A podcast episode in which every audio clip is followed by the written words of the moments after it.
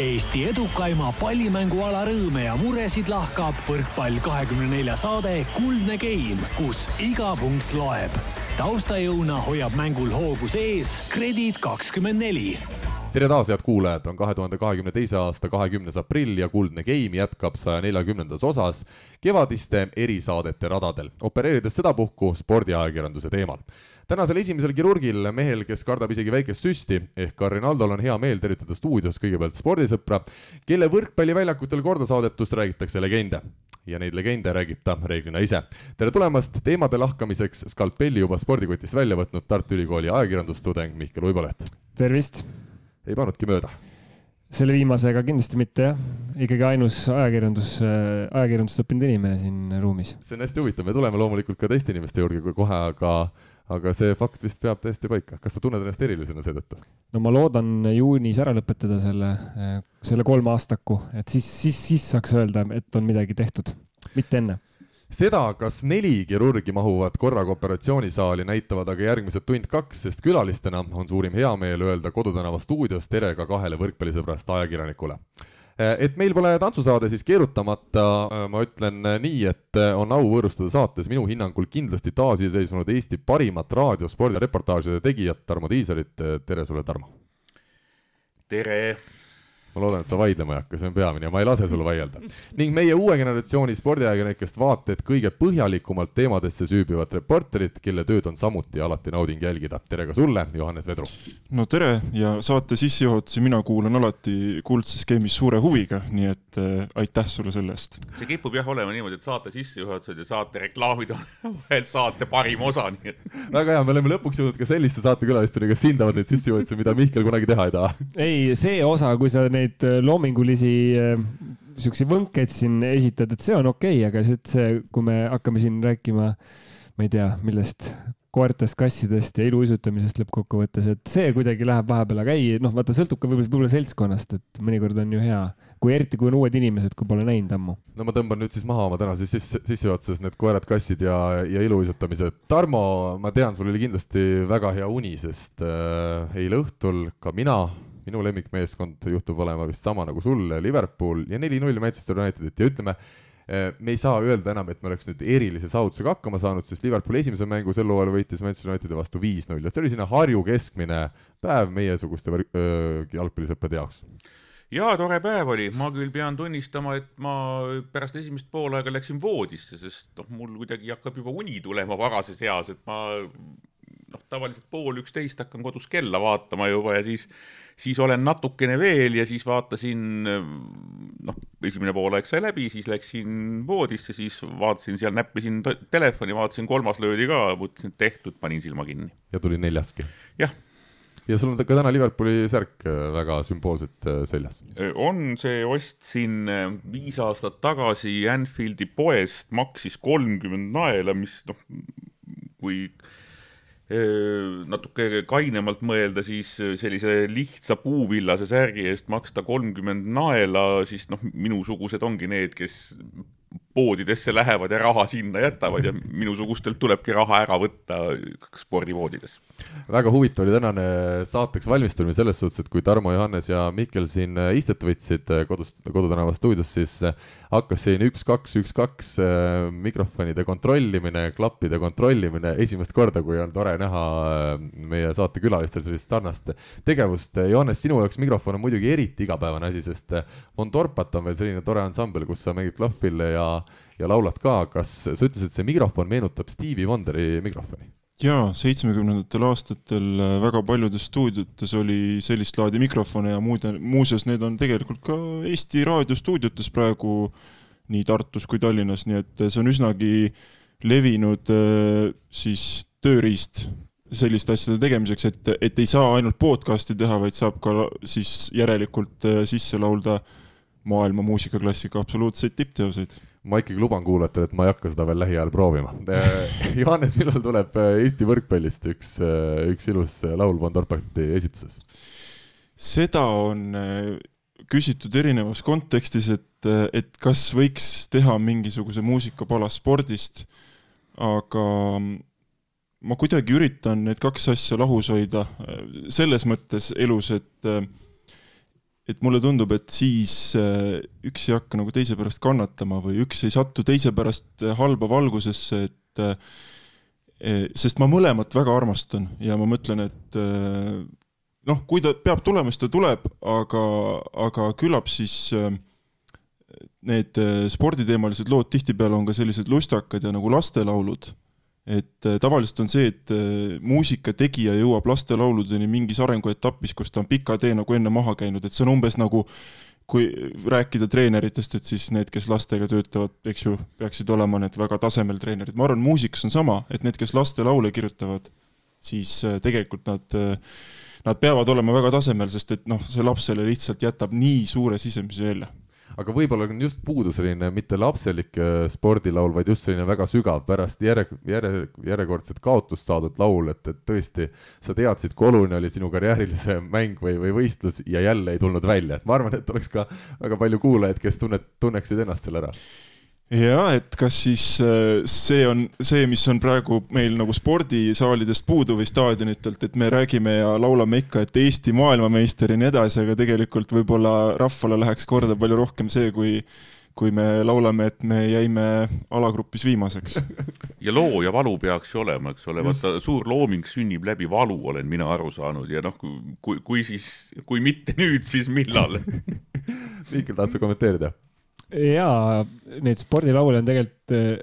mõned üksikud ju tehtud, et meenub kohe see Lumi on muinasjutt ja, ja mingisugused taolised katsetused ja siuksed olümpiaks tehtud laulud. kunagi enne Euro tegi aastal kaks tuhat laulu olümpiale ja Kuldne Trio tegi laulu Kört ja Kama, aga noh, need ei ole muidugi võrreldavad Von Torpati tasemega, et selles mõttes siukse sügavusega. Gunnar Männikul on äh, laul äh, Võit, mille siis on Anti Kammiste ja Kojamees Eesti jalgpallikoondised sisse laulnud ja Kojamees ise on teinud mitu laulu ja viimati oli Olav Osolin kirjutas Ott Leplandile ühe laulu, äh,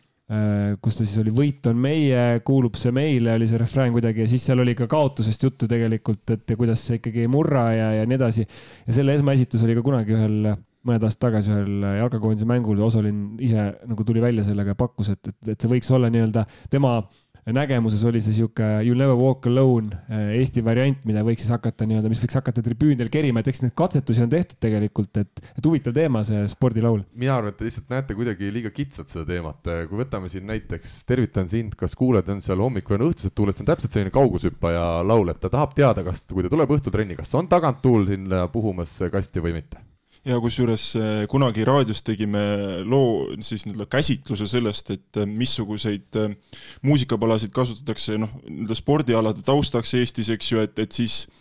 siis toodi ka välja, et kuidas Tartu võrkpallimeeskonna sein on ees, toimib väga hästi, et seal on ka mingi sisuline väärtus, aga et tegelikult ju kokkuvõttes tahaks nagu seda teada, et mis muusikat need sportlased ise kuulavad. et, et siin snuukri maailmameistrivõistlustel praegu on see äh, siis reglement, kus, äh, kui mängija tuleb äh, siis saali, ta saab ise valida, mis muusika sealt siis kostub, eks ju, kui ta tuleb välja ja noh, me teame kõik, et kui Gerd Kanter ketast heitis, siis äh, Eye of the Tiger läks alati käima ja nii edasi, et, et selles mõttes, aga ma ei ole kuulnud kusjuures väga et, et nende palade hulgas oleks mingisuguseid spordile pühendatud laule ja ka nagu seda, et eh, võib-olla siis noh, kui sa ütled, et võiks olla kaotustest laule, et neid ka ei ole kuulnud, noh. ja ei ole ka, mina noh, käies näiteks meeste jalgpallikoondise riietusruumis, et siis seal ju keegi valib alati muusikat ja seal, et seal ei ole kah siukseid klassikalisi spordilaule, et pigem on sellised noh, mis kedagi üles kütab või, või, või mis kedagi, noh, osadel on ju klapid peas, kellel on oma menüü nii-öelda sealt, sealt tulemas. mul on jälle see probleem, et kuna noh, ma jään järjest vanemaks, noh nagu me kõik, aga ütleme, minu vanusevahe võrreldes nende sportlastega, kes tulevad alt peale, lähevad järjest suuremaks, mis tähendab, et noh, ma enamus laule pole kuulnudki, mida nemad kuulavad, mistõttu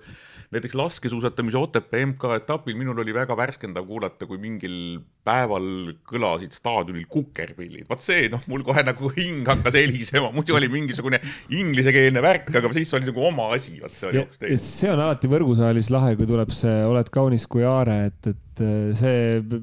see on nagu kuidagi tõmbab siukse jala tatsuma mõnusalt alati. meil oli esiliigas võimalik ka trennides panna soojenduse ajal, noh mängu peal ka, aga, aga trennis sain siis mina ka sinna puldi juurde ja, ja no ütleme, kukerpille ma ilmselt poleks läbi suruda suutnud, kuigi kindlasti väga endale meeldiks, siis Urmas Piigi võistkonna kapteniga meil, mul õnnestus saada kokkulepe, et kuulame Backstreet Boysi vähemalt, et see ei ole ka väga tavaline lugu, mida võib-olla trenni alguses kuulata äh,. väga lühidalt sissejuhatus ka mikrofoniga haakub äh,, Mihkel Instagram, selline tore sotsiaalmeediaplatvorm, Tarmo ka, ma loodan, on juba kuulnud sellest kindlasti. ma olen kuulnud, meil on isegi sporditoimetuses oma Insta olemas kuhu ma küll ei oska postitada, ma siin, meil on tavaliselt niimoodi, et ma teen kuskil mingi pildi või video, siis saadan Aedale, Aed paneb selle üles. aga see, sellega piirdub ka minu suhe Instagramiga. Igatahes seal pani Mihkel ühe foto hiljuti üles, kus oli siis äh, peal sinu esimene jalgpalli kommenteerimine, see oli kaks tuhat neli aastal ja mis oli kõige huvitavam, ma nägin seal kommentaaridest tuli välja, et toona ei tehtud isegi otseülekannet otseülekandest, vaid salvestati, mingi Tartu mäng oli see ja hiljem siis nädal aega hiljem inimesed kogunesid televiisori taha ja hakkasid vaatama seda mängu, kus sina kommenteerisid. see pilt läks üles seoses võrkpalliga, sest kuna nüüd äh, aprilli alguses oli esimene, õnnestus esimene võrkpalli kommentaar teha, siis oli sobiv meenutada kaks tuhat neli suvi meeste esiliiga mäng Tartu Tammeka versus Levadia duubel ja see oli tõesti Alo tv äh, legendaarne, legendaarne äh, vedur Jaan Kalmus siis filmis seda ja seal oli kuidagi veel niimoodi, et, et ta pidi iga veerand tunni tagant või iga kahekümne minuti tagant kuidagi väikse pausi sellest filmist tegema. kas pidi... siis pandi ka mäng käima või, või käis kinni korraks? kahjuks mitte, sest et sealt läks nii mõnigi sekund või minut kaduma ja siis ta pärast nagu noh, otseülekannet tol hetkel ei olnud nagu noh, ei olnud võimalik või noh, see ei olnud üldse mingi, mingi teema tehnoloogilises mõttes. ja siis ta läks pärast monteerima, ma kommenteerisin kohe peale ja siis ta pärast läks, monteeris selle kokku ja siis nädal aega hiljem kuskil tuli Alo teeb eetrisse, siis kõik Tartu inimesed, tublid inimesed kogunesid äh, teleka taha ja vaatasid, et see oli tõesti nagu, kui, kui palju on muutunud nagu lühikese aja jooksul, see on niisugune juba Tarmo siuksed vanainimese heietused tulevad. ja ei, kui meil siin retrorubriik tuleb, ma, vot vaat siis võin ma või rääkida, kuidas, kuidas vanasti asjad olid aga sõbrad, äh, mul on hea meel öelda kohe saate sissejuhatuse lõpetuseks, et äh, meil on tulnud täna uskumatult palju kuulajate küsimusi aga enne veel, kui me lähme kuulajate küsimuste juurde ja hakkame spordiajakirjanduse teemal pikemalt rääkima, siis äh, võtame ette päevakajalised võrkpalliteemad.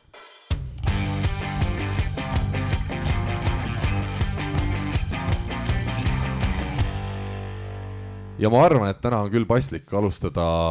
võrkpalliplokki sellest, mida tegid kaks Eesti meest äh, Brasiilias, Itapemas äh, rannavõrkpalli challenge etapp siis, kus oli palju paremaid rannavõrkpallureid kohal, saavutasid Kusti Nõlvak ja Mart Tiisaar neljanda koha, see on ikkagi selles suhtes ajalooline neljas koht, et nii kõrgetasemelisel turniiril, kus on nii palju tugevaid paare kohal, jõuda poolfinaali ja tagada siis selle poolfinaali jõudmisega nii juunikuise Rooma MM-i pilet kui ka järgmise selle eliitsarja etapi pilet, see eliitsarja järgmine etapp peaks toimuma siis maikuu lõpus Tšehhis Ostravas. Ehm, see kõik tuli kaasa, loomulikult auhinnaraha, aga kõige tähtsam, et Kusti Nõlvak, Mart Tiisaar näitasid, et nad on ikkagi maailma tasemel, siin ei ole küsimust. ja kui me oleme rääkinud siin oma saates ka mingitel hetkedel sellest, et mis on neil puudu, Kusti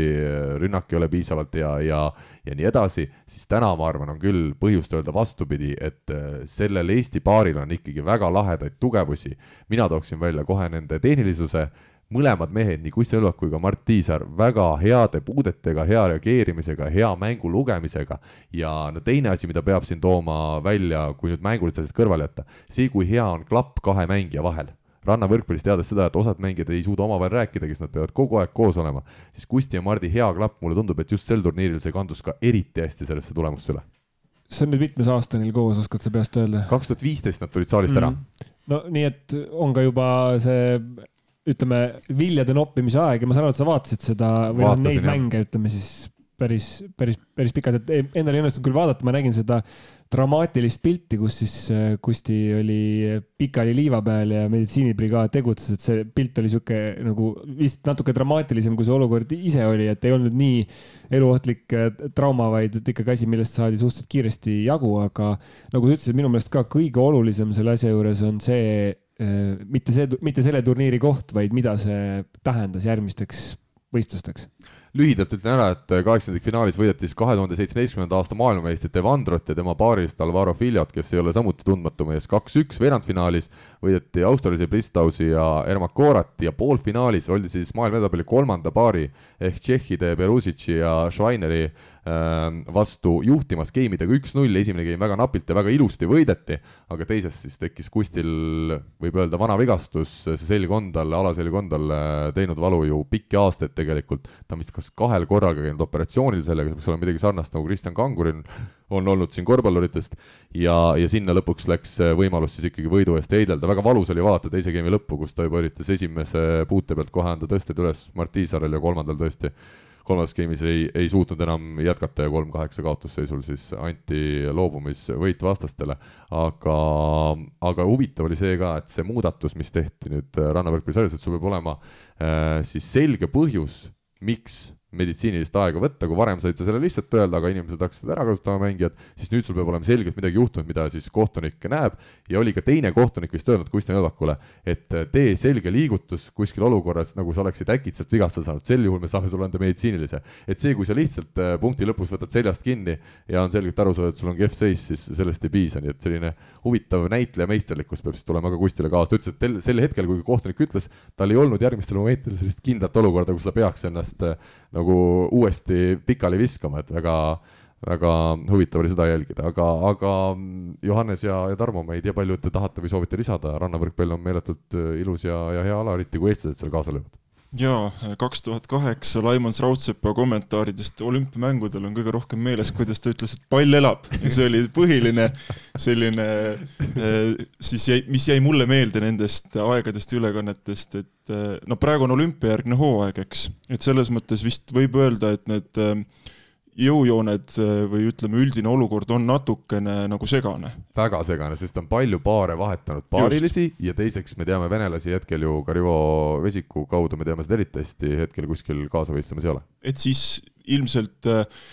konservatiivne spordivaatleja nii-öelda, et Tarmo-suguse optimi-, optimisti kõrval siin, keda ma võin kehastada vajadusel, et ütleks, et ootame need äh, tiitlivõistlused ära, eks ju, ja siis siis ütleme mingi hinnangu, aga, aga laiemalt selle teema puhul, et aastaid kuidagi mul on olnudki selline mulje, et, et see paar ähm, saab nii-öelda spordi mõttes äh, võrkpalliringkonnalt oluliselt vähem respekti, kui ta saab mujalt, et ja, ja iseküsimus nüüd on selles, et kas, ähm, kas see on lihtsalt sellepärast, et võrkpalliringkond noh, jagabki asja paremini, et äh, on ju siin, siingi saates väga palju just toodud neid äh, küsimusi ja kohti välja, et äh, erineva, erinevate võrkpalliinimeste poolt selles mõttes. nii et ühtepidi nagu iga kord, kui, kui nad teevad tõeliselt hea tulemuse, siis äh, nad tõestavad iseendaga, iseendale sellega midagi, aga nad tõestavad justkui nagu laiemalt sellele Eesti võrkpallikogukonnale. et ikkagi see nende otsus äh, minna ära ja, ja nagu sellist mudelit kasutada, et mulle tundub kuidagi isegi Eesti spordimudelisse, kus, kus justkui need erandid ongi meie spordi suur võti ja need üksikud projektid, et see kuidagi nagu ei sobitu või et, et siiamaani tekib võrkpalliringkonnas nii-öelda tegeletakse sellega, et, et otsida, otsida siis seda respekti sellele paarile tegelikult. mis oli, ütleme, erand või erinev võrreldes nendest varasematest õnnestumist, nad on enne olnud ka mingitel madalamatel MK-sarja etappidel õnnestumisi, aga nüüd oli see, et neil oli ikkagi turniiri algusest peale olid maailma tipud vastas sisust kogu aeg ja, ja nad õnnestu-, neil õnnestus nagu sellise kadalipu äh, läbida seal mitu päeva järjest mängida ja võita neid mänge, et, et, et minu jaoks oleks kõige tähtsam see, et see tulemus veel tulemuseks, aga just see, et nad mängisid järjest hästi maailma tippude vastu, oli minu arust see, ütleme, muudatus, mida ma enne ei olnud näinud, seetõttu ma julgen olla täna kuidagi eriti selline mm, voolav oma, oma hinnangutes, et, et on tore näha, et meie mehed suudavadki mängida maailma tippudega hästi. selge on see, et võib-olla MM-il kõige tähtsamatel turniiridel on tugevamad, veel tugevamad ja on rohkem paare seal konkurentsis, kindlasti on läbi murda raske, aga, aga kuidagi huvitav oli seda vaadata ja, ja mis on üks elu, edu alus või seal oli see, et nad tegid kas kuuajalise laagri Tenerifel enne seda MK-etappi, et nad said nüüd korralikult treenida ikkagi hooaja eel ja, ja teha seda trenni maailma tippudega. et ma olen isegi käinud ju teinekord neid trennides aitamas, kui neil on olnud puudu inimesi, aga ma arvan, me kõik anname endale aru, et kui, kui Kusti Nõlvak ja Mart Tiisar treenivad minusugustega, siis nende areng ei saa olla väga meeletu, kui nad treenivad iga päev endasugustega või parematega, siis, siis see loob eeldus, et nad, et nad võivadki stabiilselt hästi mängida vot, ja maailma edetas viieteistkümnendat. Poleks saanud paremini öelda, see lõpp oli väga ilus aga läheme edasi, Võru võrkpalliklubi Parrusel on uus peatreener, uus klubi siis meil meistriliigas. kas pärast seitsmeaastast pausi on nüüd tagasi kõrgliigas võistkond ja kolmekümne viie aastane võrukas Oliver Lüütsepp on peatreeneriks. Johannes, vaatasin, oli kuus spordiuudistes eile kenasti lugu Oliveriga, sa oled, sa oled saanud mehe kätte no ma mõtlesin, et nüüd Tarmo alustab oma, oma no, nostalgitsemistega, et kuidas Võru võrkpall on ikka omal ajal. jah, jah, kuidas ma omal ajal Urmas Tali vastu mängisin, sest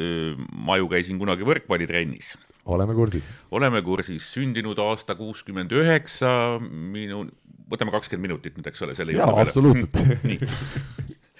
Et eh, jah, kuuskümmend üheksa sündinud ja kuuskümmend kaheksa oli näiteks Võru oli hästi tugev, Rando Soome oli siis number üks seal konkurentsitult ja, ja kuutekümmet üheksat Võrus minu meelest väga palju ei olnud, küll aga Tali oli seitsekümmend sündinud ja, ja tema siis vedas ka noh, nagu seda ajastut Võru võrkpallis, nii et Urmas Tali vastu ma olen mänginud, tunnen väga suurt uhkust selle üle. minul on hea meel, et eh, Võru tuli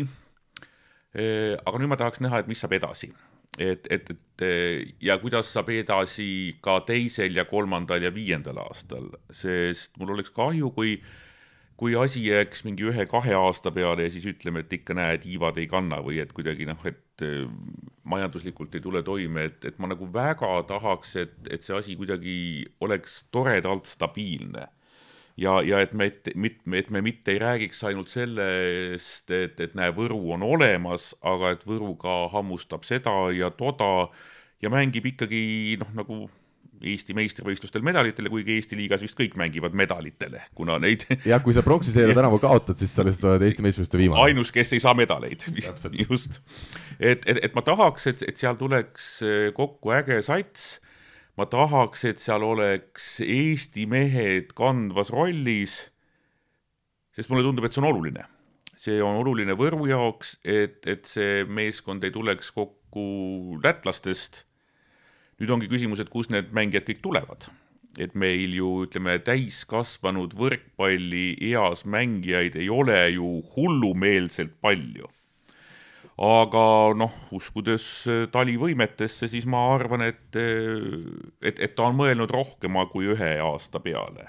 ja, ja mis oleks ka väga, väga õige. mis on äh, oluline siinkohal märkida, ma rääkisin nädalavahetusel Oliveriga, ma helistasin talle ja loomulikult kõike, mis me rääkisime, ma ei tohi edasi rääkida, selleks on oma aeg ja koht, aga mida ta ütles, on see, et ta tahab teha Võru võrkpalliklubist meistriliiga parima kodumängude korraldusega võistkonna. Mis mis on suur väärtus ja suur asi? Ja et seda ütleb peatreener. jah, et, et, et, et, et saalis oleks vaib, sest alguses esimene aasta tullakse saali vaibi pärast, noh ka mängu pärast, aga inimesed, kes tulevad sinna kokku, seal on see noh, nagu ilus võrkpallimälestus veel olemas, tulevad vanemad öö, inimesed, kes mäletavad mingisuguseid Võru võrkpalli kuldaegu ja Aksel Saali ja, ja kõiki seda, seda hullust ja, ja nad tulevadki sellepärast, et seal on äge, et öö, kui nad tunnevad, siis hakkame käima, sest Võrus ju sellist oma linna, ma nüüd kiirelt käin läbi, suur klubi või? pallimängude klubi ei ole, noh, mille ümber kogukond hakkaks koos käima ja, ja see on selles mõttes väga, väga hea võimalus. aga, aga, aga vaibiga noh, teed ära ühe aasta, teed ka teise aasta, siis, siis see vaibi kogemus on juba ära olnud ja siis sa tahad midagi uut ja siis sa tahad seda võiduelamust saada. ja mis ma Oliveri kohta veel tahtsin öelda, tagavollest oli ju kolm hooaega ja seal ta nägi seda, kuidas see väike klubi, kus oli väga vähe ka selles linnas või, või külas, kuidas seda iganes nimetada, oli väga vähe inimesi, aga kuidas see võrkpall kuidagi tõi neid kokku ja, ja tekitas sellise erilise, nagu sa ütledki, vaibi tänapäeva sõnadega, ma hakkan ka Tarmoga juba tulema tänapäevaga kaasa, kui, kui juba Tarmo selliseid sõnu kasutab, et, et ühesõnaga seda on vahva näha ja ma usun, et Oliveril on need oskused ja teadmised olemas, kuidas peatreenerina aidata ka väikses kohas seda kõike muud ümber, ümber ehitada Urmas Talil. vot, ja, ja ta ütles, siis Lütsepp ütles ka ju eilses ETV intervjuus, et äh, esiteks seda, et äh, mängijad tulevad osaliselt ka praegusest Võru võistkonnast, see on, mis ta ütles, teiselt poolt ütles, et ta ütles kolm-neli mängijat tahaks olla, noh, võiksid olla professionaalid, kes saaksid kaks korda päevas trenni teha ja kolm, kolmas asi oli lihtsalt see, mis käis sealt loost läbi, et nad hakkavad trenni tegema nii Tartus kui Võrus, et noh, see on nagu Eesti elu paratamatus, et meil on päris palju neid äh, pallimänguvõistkondi olnud, kes mängivad ühes kohas, aga treenivad teises kohas, et ei ole lihtsalt võimalik kogu treeningprotsessi läbi viia selles, selles kohas. et need olid nagu huvitavad ja noh, ta muidugi rõhutas sedasama tegelikult seal intervjuus ka, et, et see ei, see peaks olema vähemalt siukse mõne aasta projekt, mitte, mitte ühe aasta projekt, aga ei noh, jõudu ja ta mainis sellist lauset nagu jätkusuutlik klubi, mis on ka siit saatest väga palju läbi käinud, nii et äh, mul selle üle oli eriti hea meel kaks märkust, kui me vaatame seda esiliiga võistkonda, siis ainus mängija, keda mina näen, kes võiks olla meistriliigas, juhul kui Võru tahab väidleda ikkagi medalite eest, põhimees on Tarvo Täht, temporündaja, keda me teame ka mingi aja tagant meistriliigast. pikk ja väga hea kuju, ma usun, et kui temal õnnestub rohkem võrkpallile keskenduda ja Oliver saab temaga tööd teha, siis see on potentsiaalne põhikoosseisu mees. aga ma ei näe sealt esiliigast väga palju neid muid mängijaid, kes võiksid olla seal ütleme põhikoosseisus, nad võivad olla võistkonna liikmed, mis on ka väga oluline, aga põhikoosseisus peab ikkagi olema tuumik mujalt, ma arvan, ja teine asi, kui Eesti koondisesse räägitud, Oliver, et sellest koondisest koondisest, kes hetkel kogunes, siis seal on nii palju neid äh, Eesti liiga mängijaid hetkel ainult paar mängijat on välismaalt, kõik muud veel puhkavad või on veel välismaal. et, äh, et noh, see, see on väike klausel, et äh, see ei ole parimast Eesti koondisest, vaid sellest, kes on siis praegu Eesti liiga mängijatele põhjal moodustatud jah, just, et see oligi oluline muie või moment intervjuus ka, et viibis ta ju siis koondise treeningu nii-öelda, viibis intervjuu tegemise hetkel koondise treeningul ja kui kui oli küsimus, et kas sellest saalist tulek, võiks tulla mõni mängija, siis ta loot-, noh, ta ütles, et ma loodan seda, põhimõtteliselt. Mulle tundus selle emotsiooni pealt, et, et see võiks olla reaalne, et tuleb. just, lühidalt meeste esiliigas peeti esimene mäng ja seal siis võitis Viljandi võrkpalliklubi umbes neljasaja viiekümne, viiesaja pealtvaataja ees peetud kodumängus Rakvere, kuidas see nüüd õigetpidi oli, BMF-i, kindlalt kolm-null ja finaalist oli siis juttu, lisan juurde ja BMF, sul on isegi tass siin. kaks tassi, keegi on oma tassi eelmine kord jätnud siia. aga äh, teine mäng äh, Rakveres laupäeval ja Vaheusel kolmas mäng siis pühapäeval samuti Rakveres. tean, et Rakvere mehed peaks ka ise sealt ülekande tegema, nii et me näeme esiliiga finaali esmakordselt siis Eesti võrkpalli ajaloos ka kõiki otsepildina, sedasi korralikult tehtuna, mitte ma, ma ei pea silmas ainult Facebooki ülekannet. ja ma saan aru, et see idee, et või see algatus, ütleme niimoodi, et Viljandi ja Rakvere esimesest finaalmängust äh, ülekanne sündis, sai alguse eelmisest äh, Kuldse Game'i saatest. ja üks väga tore Eesti võrkpalli tegelane, keda me kõik teame, aga kes soovis jääda anonüümseks, äh, ütles, et palju vaja on ja teeme ära, nii et Viljandi võrkpalliklubi ja, ja see anonüümne siis toetaja tegid selle võimalikuks, et see ülekanne oli esimene sellest mängust nähtav. naiste esiliigas reedel selgumas siis võitja Pärnu spordikool ja Peetri võrkpalliklubi mängimas hetkel üks-üks seis ja pronks läks Saaremaale, kes alistas võistles Sparta, aga meeste ja naiste koondisest väga lühidalt. Äh, meestekoondises, nagu rääkisime, hetkel mõned mängijad välismaalt, kui ma ei eksi, siis Markus Keel ja Stefan Kaibald. ülejäänud kõik on hetkel Eesti liiga mehed, nii et antakse võimalus, proovitakse miks see on minu arust ka väga oluline, võime öelda, et mis koondis see on ja nii edasi kui me võtame siit näiteks Sten Berilluse, temporündaja TalTechis kindlasti mitte mingite eriliste võimetega ja nii edasi, aga sellise mehe jaoks võib olla see kaks nädalat koondises või kui saab pikemaks, siis seda parem, võib olla oluline just, et ta saab indu ja ütleme, mingeid uusi teadmisi järgmisteks hooaegadeks, et, et sellisel mängijal, nagu me rääkisime, keda on Eesti liigasse vaja, kes ei ole tippmängijad, kes ei tee seda professionaalselt, aga kes on selline tugev keskmik, et nendele natukene motivatsiooni anda, nii et selles suhtes väga suure huviga jälgin just nende meeste individuaalset arengut, kes seal koondises praegu on tuleb meelde üks küsimus, mille kunagi esitasin äh, Kristjan Kaisile, kui ta Tartu naiskonda treenis, äh, et äh, Ingrid Kiisk oli siis nende naiskonnast see mängija, kes käis Euroopa meistrivõistluste finaalturniiril, just et nii-öelda tema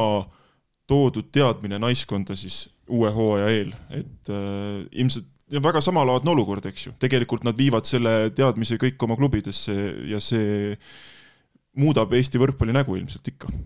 ja veel huvitav koondise koha pealt on siis see, et ikkagi väga palju puudujaid, kui alguses räägiti, et kaks nädalat treenivad need äh, nii-öelda kodusest liigast kokku pandud äh, seltskonna mängijad, siis tegelikult äh, tuleb nüüd välja, et on Robert Tähel ikkagi põlvega probleeme, kuigi ta Poola liigas mängis ja on jõudnud siis nüüd poolfinaali peal Haatoviga, väga südikas esitus eile õhtul.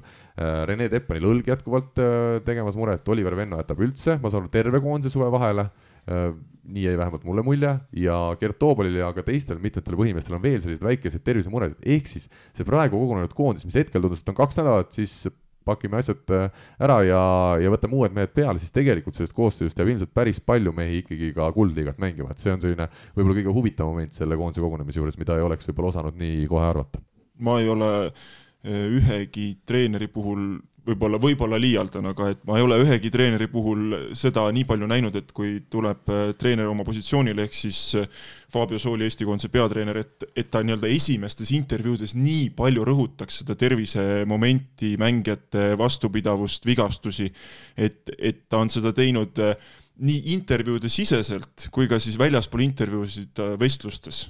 ajakirjanikega, et kindlasti tal oli pilt ees asjade seisust ja, ja ju siis see peegeldub ka tõesti praegu olukorras. Aga naistekoondises siis väga selline ühene muster, koondisse võeti noored ja andekad, kes olid siin tänavusel hooajal siis mänginud Antase spordigümnaasiumi noortekoondises, ehk siis teinud reeglina kaks korda päevas trenni. Äh, ja teisalt siis võeti koondisse meie profid, kes on mängimas välismaal või siis võtame siit juurde näiteks Kertu Laagi ja Julia Mõnnakmäe, kes ikkagi on sel talvel olnud selles seisus, et nad tahaksid jätkata koondises mängimist ja, ja kanda seal tähtsat rolli, et äh, sellised mängijad, kes on nüüd kas ka Eestisse tagasi tulnud ja hakanud natukene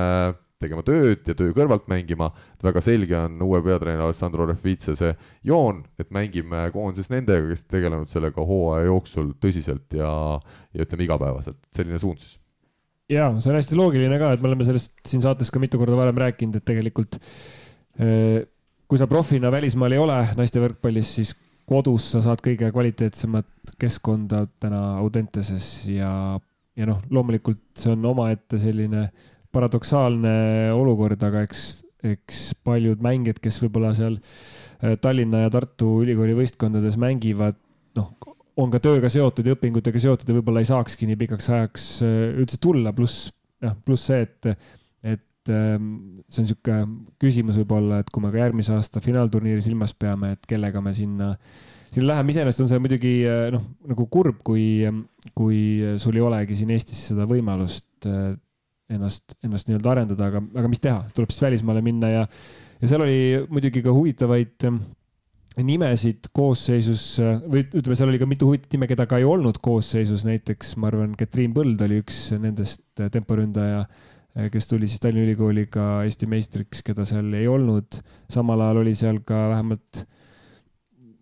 vähemalt üks mängija, kellest me oleme ka siin saates rääkinud, kes meile teadaolevalt ei, ei lähe koondist esindama, et see oli selles mõttes nagu huvitav nimekiri, et iseenesest loogiline, et, et kõik kutsutud on nimekirjas ja noh, kui mõni ütleb ära, siis ütleb ära, aga lihtsalt, et see nimekiri võib sellest lähtuvalt ju veel muutuda. ja, ja see on tõesti huvitav, et äh, Eva-Liisa Kuivanen on ju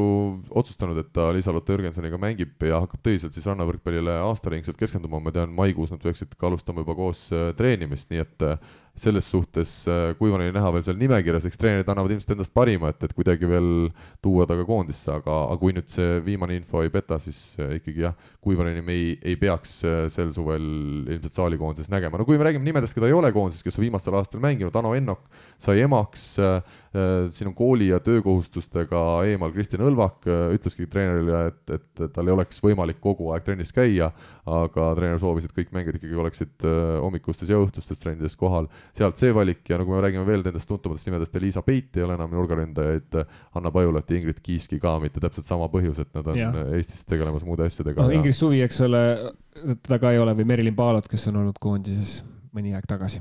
aga Audentesest siis seitse mängijat Eesti pronksi naiskonnast ja kahest tugevamast naiskonnast Tartust Eliise Hollas, loomulikult võistkonnas sees, ja Tallinna Ülikooli Kikasest, meie meistrist Mari-Liis Lass. nii et sellised sõnumid, aga head võrkpallisõbrad, nüüd on aeg minna tänase saate põhiteemade juurde. kes võidab keda, kas sina oskad ennustada seda? spordiennustus portaalis Pahv, Pahv lööb pahviks ja nüüd siis äh, tuleme meie ennustusrubriigi juurde, hea toetaja, Pahviga äh, seotult äh, ja no huvitav nüüd see, et olen langenud mina miinusesse, eelmisel nädalal siis uskusin küll, et Andrus Raadik ja Savo võidavad Soome liigas, aga võitsid, ütleme, valed mängud, mitte selle, kuhu mina panustasin. ja minul on siis tekkinud miinus kuus eurot kokkuvõttes. võistkond Sõbrad on kuue euro peal hetkel ja täna on siis Johannes neid esindamas ja Mihkel, sinul on sada kaheksakümmend seitse eurot kontol. koht ei ole kõrge, aga oluliselt parem kui minul ja sõpradel. kas alustame Mihkel? Mihkel, äkki sinust? ja Poola naisteliiga loomulikult, mis siis veel saaks olla, täna õhtul on äh, mäng, äh, Legionova mängib äh, Radomiga ja Legionova koefitsient on üks koma viiskümmend seitse, nii et pool ja. läheb sinna. ja teine pool? ja teine pool. äkki annad mulle? teise poole võtame siis ka Poola, Poola naisteliiga, ka täna õhtul on mäng, Bielsko-Biala mängib kodus Op Uni Opolega ja üks koma kakskümmend on Bielsko-Biala koefitsient, nii et läheb nende peale. selge, tuleme siit edasi äh, juba Johannese juurde. Snooker mm on siis miski, mis sulle võiks huvi pakkuda. ole hea, ütle, mitte et muud asjad ei võiks, aga me enne seda vaekõlli leppisime kokku nii. Äh, ütle, kas on ka keegi mängija, kelle, kelle võitu sa näed kohe, et ma saan siit listist välja vaadata? Niimoodi vist on raske öelda, sest äh, mulle need persoonid seal pakuvad huvi, on alati pakkunud, et äh, näiteks on alati pakkunud huvi selline mees nagu Stewart Bingham, kes on Selge. selles mõttes huvitav mängija, et äh,, et tema välimus äh, on kõike muud kui sportlik ja sellest hoolimata on ta tulnud siis snuukris äh, seitse aastat tagasi maailmameistriks, suurepäraselt mängides aga teda hetkel meil valikus ei ole, kas äkki John Higgins mängib siin ühe väga huvitava nimega mängijaga? see mäng on praegu pooleli, ma tean, ja ma seda mängu Aha. natuke eile vaatasin ja, ja tuleb öelda, et see vastane, kes tal on Taist pärit, kui ma ei eksi vist. kas proovime seda nime ka hääldada? ei proovi Min. mina tahaks proovida, sest meil kuulajad on ka sellised, kellele meeldib natukene selline, kui, kui keegi asjadest aru ei saa, no see on Tepatšai ja Unno jätame, see on natuke eestipäraselt olgu ta öeldud. nii, aga sa tunnetad siis, et Higins läheb siit edasi? ei tea midagi, et äh, see vastane oli eile väga hea ja aga, aga noh, ütleme nii, et äh, ar arvestades, et ma esindan võistkonda Sõbrad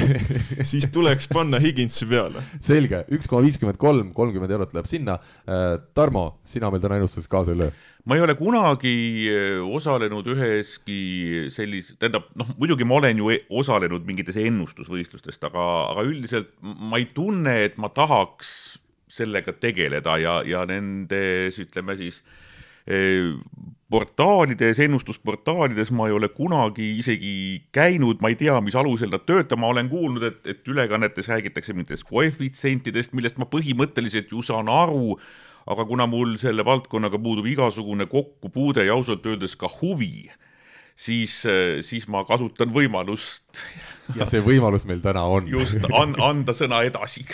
ja mina siis, jaa, Johannes. et äh, ma, Tarmo, kahtlemata tunnen sinuga suurt hinge ja sugulust selle koha pealt üldises võtmes,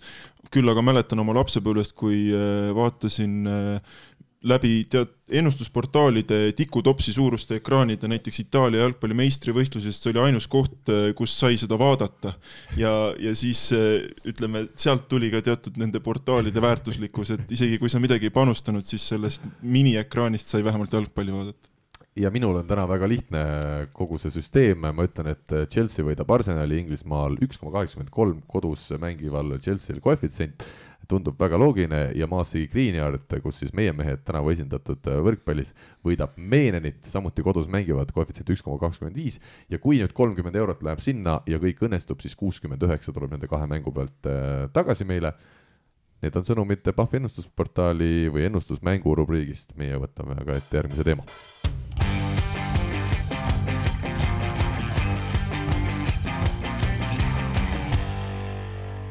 ja tõesti, head kuulajad, nüüd tuleb küll teid tänada, meil on tulnud väga palju küsimusi ja me oleme otsustanud Mihkliga, et me täna läheme nendest küsimustest lähtuvalt siis teele ja me üritame leida siin huvitavaid äh, mõttekohti ja, ja teemasid. loomulikult äh, suur osa küsimustest on suunatud äh, Johannesele ja Tarmole, aga me oleme ka Mihkliga olemas, et kaasa mõelda nendel teemadel. Kaspar alustab ja see Kaspar oli meil ka eelmises saates kohal. tere, parim spordiemotsioon, mida kogenud olete? Ja siia juurde võib lisada ka parima võrkpalli emotsiooni, ütleb Kaspar. Äh, võib-olla siis võtame täna ikkagi võrkpalli emotsiooni. võtame. nii, kas Mihkel tahab alustada? võtta midagi, sul no, on naiste viies finaalmäng. naiste finaalseeria neljas mäng Tartus koos Johannesega elasime seda üle seal, et see oli tõeline üleelamine nagu seda ei saa teistmoodi. noh, kogu see finaalseeria, aga eriti see neljas mäng, selles mõttes, et see oli. sinu elu parim võrkpallielamus jah? ja ma arvan küll, et äh, kui võib-olla välja jätta eh,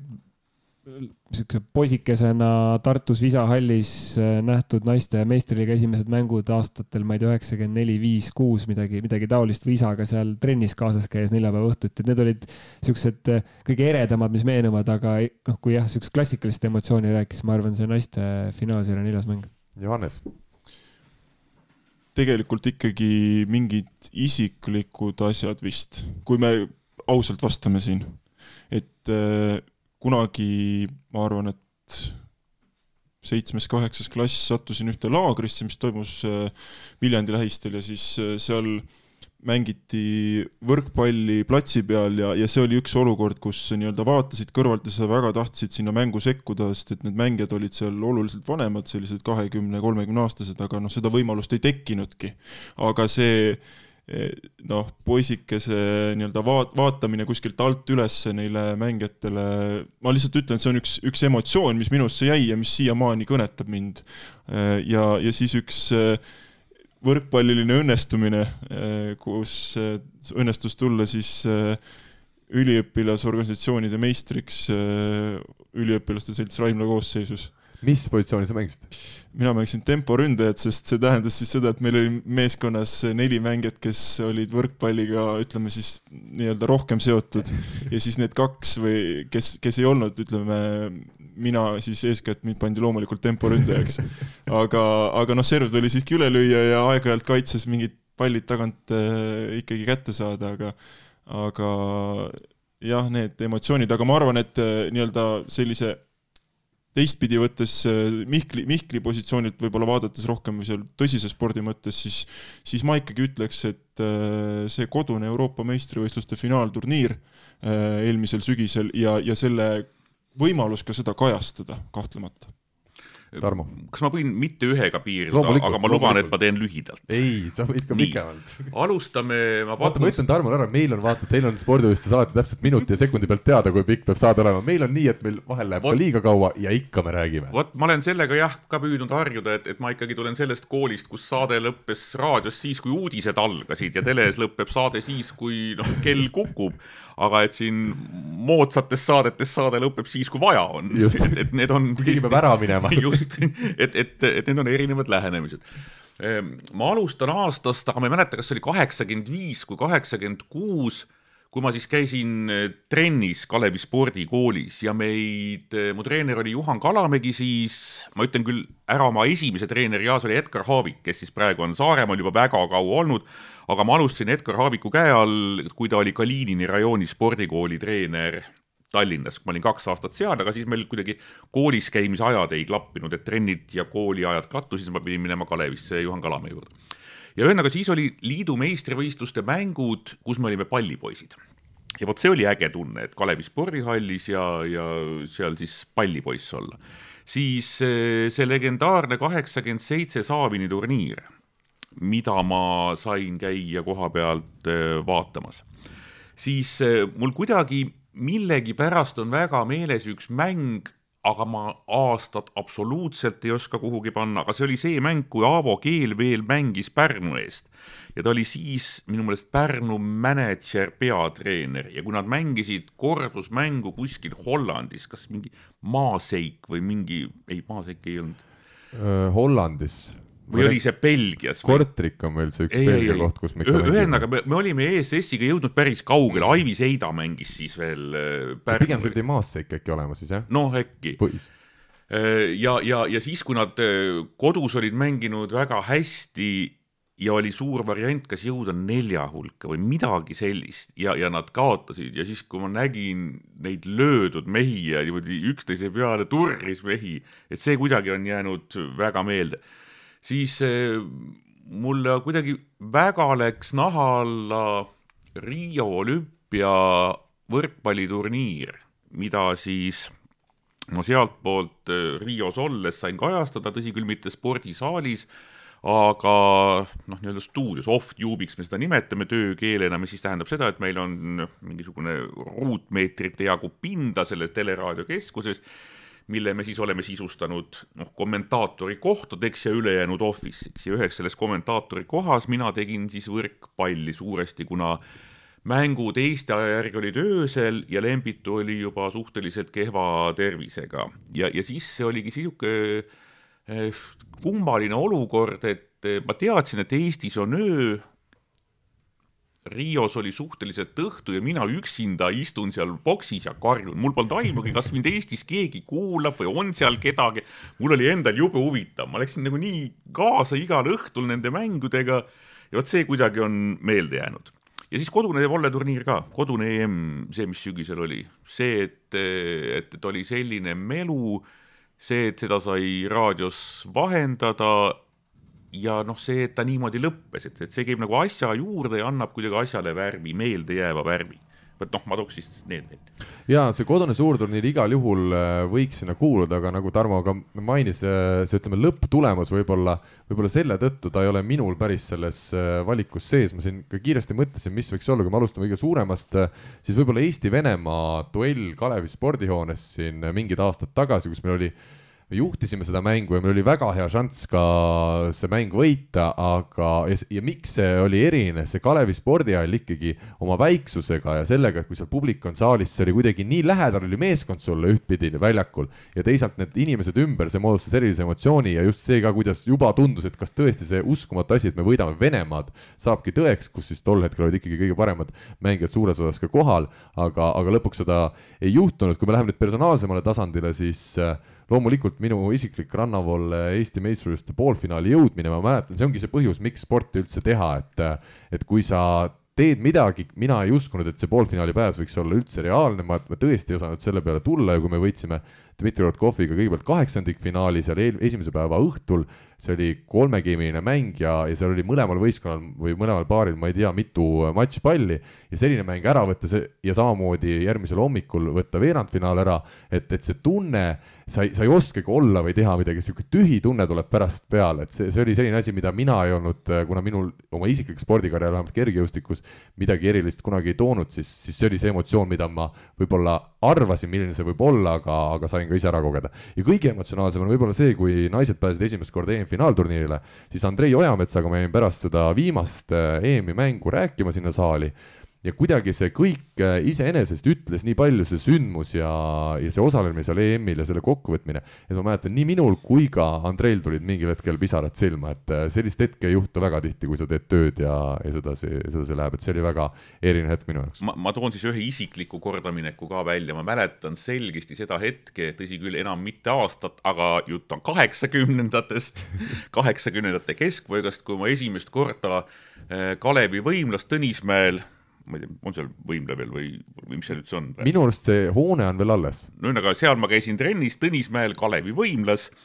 kui ma esimest korda lõin lakke no mis tähendab siis, eks ole, seal põrkest ikkagi? põrk, ei põrkest jah, lakke, mis noh, siis tähendab, eks ole, võrkpallur, tegelikult lõin lakke. ma mäletan seda tunnet, et ma lõin lakke, et see noh, oli, oli nagu vägev tunne, et, et see on siis nüüd tehtud. aga ma kardan, et see jäigi minu võrkpalluri karjääri tippsündmuseks. trennis lüüa korra lakke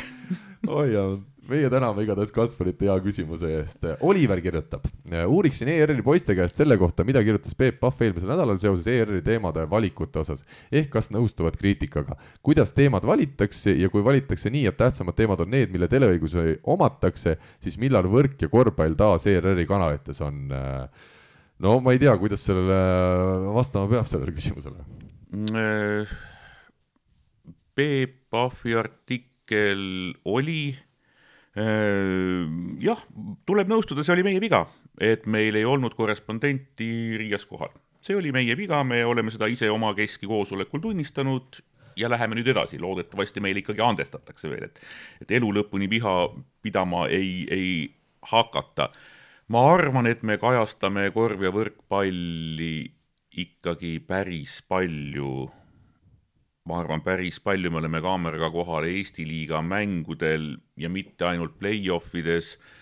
vaid ka noh, jooksva hooaja mängudes, koondise mängudes. ma arvan, et me mahuliselt ei kajasta seda vähem kui jalgpalli. lihtsalt jalgpallis on meil liiga otseülekanded ja noh, olid ka koondise mängud, võrkpallis meil neid ei ole, mistõttu me ei saa neid ka näidata, kui meil neid ei ole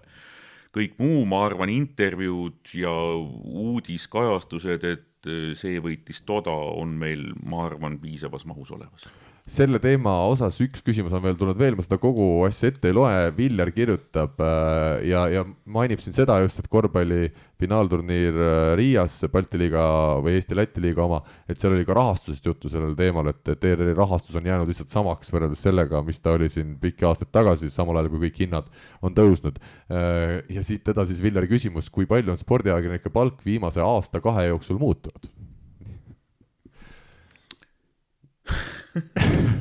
räägime rahast. räägi, räägime rahast, viimas,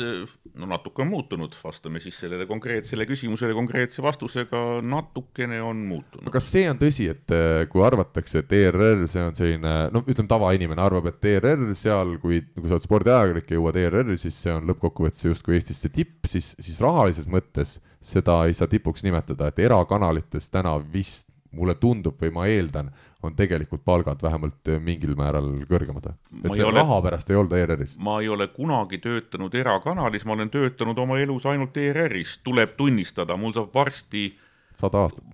peaaegu jah, mul saab varsti kolmkümmend aastat mm. ERR-is ja ma olengi töötanud ainult seal, alguses kaheksateist aastat, ma teie nägusid muidugi vaatan, see on muidugi, kõlab nagu mingi arusaamatus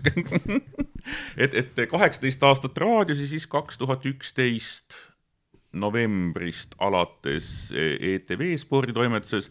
Tõsi küll, sellest üks aasta varem tegin jalka MM-i ka ETV-sse, aga, aga, aga siis noh, sellest alates. mina ei tea, palju teenivad tõesti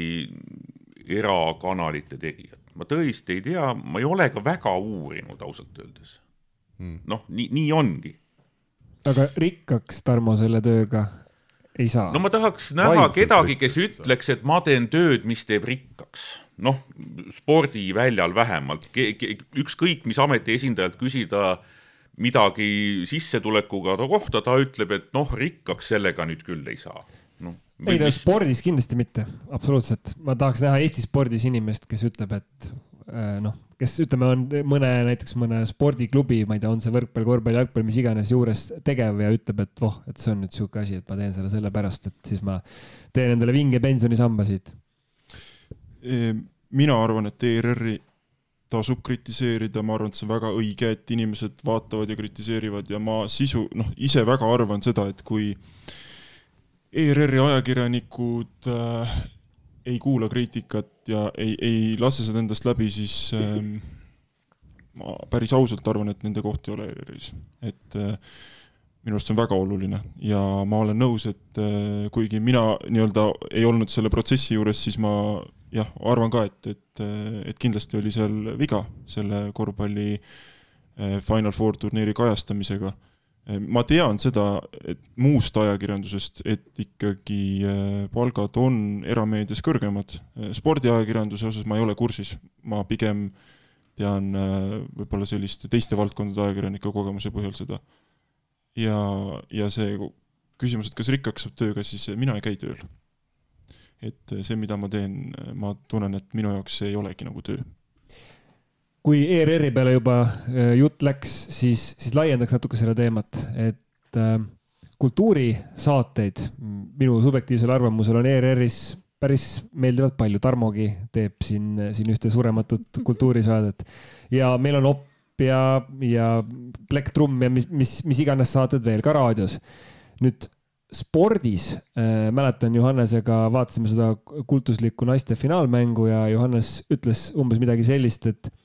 siin on nii palju, mis selles mängus juhtus, aga mul on poolteist minutit ainult eetriaega äh, uudistes jäänud. et võib-olla ainuke pikk saade teles on nagu pühapäevane saade, aga ka siis need noh, need intervjuud on seal mingi neli-viis minutit maksimaalne, kui sedagi Äh, spordipublitsistikat pakub Spordipühapäev Vikerraadios teatud piirini, aga. Soovitan kuulata küll, ma tean, tänapäeva inimesed kõik kuulavad podcast'e, minu jaoks podcast ja raadio, see on sisuliselt sama asi, lihtsalt ja. erineval platvormil ja erinev nimetus. et kui tõesti tahta spordist nagu midagi põhjalikumat, mis haarab üldist sihukest ringi mm. ja kui sa tahad nädalas saada teada, mis Eesti spordis toimub ja, ja, ja kuidas toimub just, siis ma arvan mm, -hmm. et seda võiks küll inimesed kuulata, et mõelge siis, teeme selle nimetuse, muudame ümber, et see on podcast Spordipühapäev, kuulake podcast Spordipühapäev, võib-olla siis nooremad saavad ka. saavad aru, millest jutt käib ja, aga kuhu ma tahtsin oma jutuga jõuda, oligi see, et, et minu meelest nagu sport kui oluline kultuuri osa, et eh, ma ütleks, et sihuke spordipublitsistika saade või saade, noh, minu poolest kasvõi intervjuu saade ähm, ma ei tea, kas õige öelda, et on puudu ERR-i programmist, vähemalt mina tarbijana võik-, tahaks öelda, et, et seal võiks olla midagi rohkemat, et ma ei tea, kuidas ERR-i no, inimesed praegu, praegu regulaarne on puudu, tõesti on puudu, et me oleme teinud siin eh, ühte ja teist ja teeme selliseid äh, no ütleme, ebaregulaarseid asju, noh, ka võrkpallist minu meelest me tegime siin paar aastat tagasi ju täiesti kobeda saate. lihtsalt ma, ma, mulle tundub, kuigi see võib kõlada vabandusena, et see jääb meil nüüd ressursi taha. ilmselt nii majandusliku ressursi kui ka selle taha, et, et noh, nagu telesaate tegemine, ta on jube noh, nagu energiamahukas, et teha noh, mina teen seda kultuurisaadet, mis on siis pool tundi ka intervjuu saade kahe külalisega ja, ja ta võtab tohutult minult vähemalt, aga, aga see on võib-olla minu probleem, et ma lihtsalt ei saa hakkama noh, millegi enamaga, mis võib ju ka vabalt olla. et ja, ja et seal oleks niisugune värske mõte ja, ja, ja, ja nagu huvitav idee, sest ilmselt ei ole ju probleemi lihtsalt rääkida eetrit täis. Noh, ma arvan, et kõik, kes on rääkimise pärast, jah. just sõnasuutlikud, nad ju võivad rääkida tunde, ma arvan, kui sa noh, te ka mind tunnete, ma võin ju lihtsalt jäädagi rääkima sporditeemadel lõputult aga, aga et teles tal oleks mingisugune vorm või jah, meil praegu seda ei ole, jah. ja, ja natuke, natuke laiendaks veel seda probleemi tegelikult, võtaks ta nagu ERR-ist ka veel, veel laiemaks. aga ma ütlen vahele lihtsalt selle, et ma arvan, et see võib olla ka majandusliku osa selles, et teie erinevalt kultuurisaadetest, teil on ka otsereportaažid ikkagi. et see on see, mis hõivab juba eelarvest päris suure osa ära, et võib-olla kultuuril ongi see saade nädalas või paar tükki, mis ETV2-s on neid veel üha rohkem no., aga et neil ei ole neid kalleid otsereportaaže. no nii ja naa, eks ole, kultuuris tehakse ka ikkagi ju otseülekandeid, teatud piirini on mingid galaüritused ja nii edasi, aga ma ütlen, et eks ma tahakski laiendada seda laiemalt, et noh, spordipublitsistika võib-olla jälle noorem äh, kuulaja küsib, et mis asi see on, aga ma pean silmas siukesi sügavamaid ja pikemaid käsitlusi võib-olla siis teatud spordialade muredest, rõõmudest ja võib-olla ka olemuslikke käsitlusi, et üleüldse Eesti spordiajakirjanduses neid on nagu vähe ja noh, ma arvangi, et see põhiline teema on seesama nii-öelda nagu sa mainisid, tasuvuse küsimus, majanduslik küsimus, et majandusmudel on ju tegelikult üles ehitatud sellele, et mis toodab klikke kõike ja, või noh, me oleme siin Karliga omavahel ka rääkinud nendest äh, erinevatest podcast idest, et kui paljud podcast'id on sellised erinevatelt spordialadelt või ka sellised, mis käsitlevad mitmeid spordialasid, mis räägivad, mis üritavad rääkida noh, nagu asjalikku või ütleme siis vähemalt püüdlevad selle tasemel, et me kutsume stuudiosse keegi oma ala kursis olev inimene ja me lihtsalt ei tee meelelahutuslikku saadet, et neid on noh vähem pigem, kui valdav osa on ikkagi selline, et paneme selle peale, kuulame tund aega, kuidas on konflikt, kuidas on äh, selline noh, vastasseis, vaidlus, kellegi isiklik väga tugev arvamus, mis ei, võib-olla ei ole ka nagu ilmtingimata kuidagi põhjendatud, et see tõmbab nagu huvi rohkem ja see tekitab omakorda, noh, see tekitab klikke ja see tekitab omakorda äh, nii-öelda seda, et seda toodetakse üha enam ja enam, Johannes. küsimus vist on auditooriumi ootustes, sest et näiteks äh, Eesti Spordiajaloo Selts on aastaid nii-öelda mõne isiku läbi nõudnud, et taastataks spordileht mingil kujul, ehk et oleks nii-öelda tõsine kirjalik väljaanne, mis siis keskendub spordivaldkonnale, mida tõesti praegu ei ole ja, ja mida nad siis sealt taga otsivad, ongi näiteks see, et kui vanasti hooaja järel treenerid võtsid oma äh, hooaja kokku, analüüsisid meeskonna esitust, mängijate panust ja nii edasi, et äh, tegelesid ka sellise konstruktiivse enesekriitikaga nii-öelda, siis äh, et seda kirjalikul kujul ei ilmu, aga samas mulle tundub, et tegelikult teistpidi võttes, kui asjad üles otsida, siis praegu on sport ja sportlased ja treenerid inimestele lähemal kui ei kunagi varem just nende samade podcast'ide läbi. et lihtsalt, aga, aga see seltskond, kes võib-olla ootaks seda ja tahaks seda, nad ei leia seda üles või neil ei ole see lihtsalt loomulik neid asju või pigem kuulata. nad ootavad seda selles vormis, mis Just, oli jah. nende noh, nii-öelda kujunemisajal või ütleme, nende noorusajal. sest ma arvan, et eh, kui võtta nüüd nagu, nagu juppide kaupa kokku, siis ka meil on ju spordipublitsistikat eh, küll saadetes arutelud, tõesti, kui meil on saa-, uudistesaade kuus minutit per õhtu, siis tõesti treener saab öelda seal kaks lauset, millega sa noh, ja esi-, lähen mikrofoniga juurde, võta hooaeg kokku, noh, võta mm. siis kahe lausega hooaeg kokku, noh mm., niimoodi. et ja, aga, aga noh, meil on minu meelest väga hea asi spordipühapäev, meil on ka meie pühapäevane saade, kus me siis saame teha lausa stuudiointervjuud, mis on neli minutit, mis on noh, nagu teleintervjuuna juba ikkagi, ikkagi väga suur asi ja see neli minutit mahutab viit küsimust, mis on juba tõesti suur asi. ma tean nii oma käe pealt, kui ja kui Aavo Keel oleks stuudios, te ütlesite sinna no, Aavole, siis see on üks küsimus. just, just ja kui mina veel küsin, siis ainult küsimus ongi yeah.. aga noh, eks siin tulebki see, et, et nii-öelda see, mis me näeme igal pool, igapäevaselt teles on nagu sihuke kiirtoit, et me ja. saame ta kiirelt kätte, ta on suhteliselt pinnapealne. aga nüüd rääkida sellest, et noh, miks on, kuidas on, mis selle taga on, et tõesti see neli minutit intervjuu, aga noh, kas see on tegelikult ütleme nagu selline kiirtoit ja ma olen sellega nõus, et mis te ka mainisite mõlemad, et tegelikult seda materjali hulk, mis toodetakse spordist, et spordiuudiseid meil kindlasti nagu vähe ei ole, pigem on küsimus, et millele kulub see mm, tähelepanu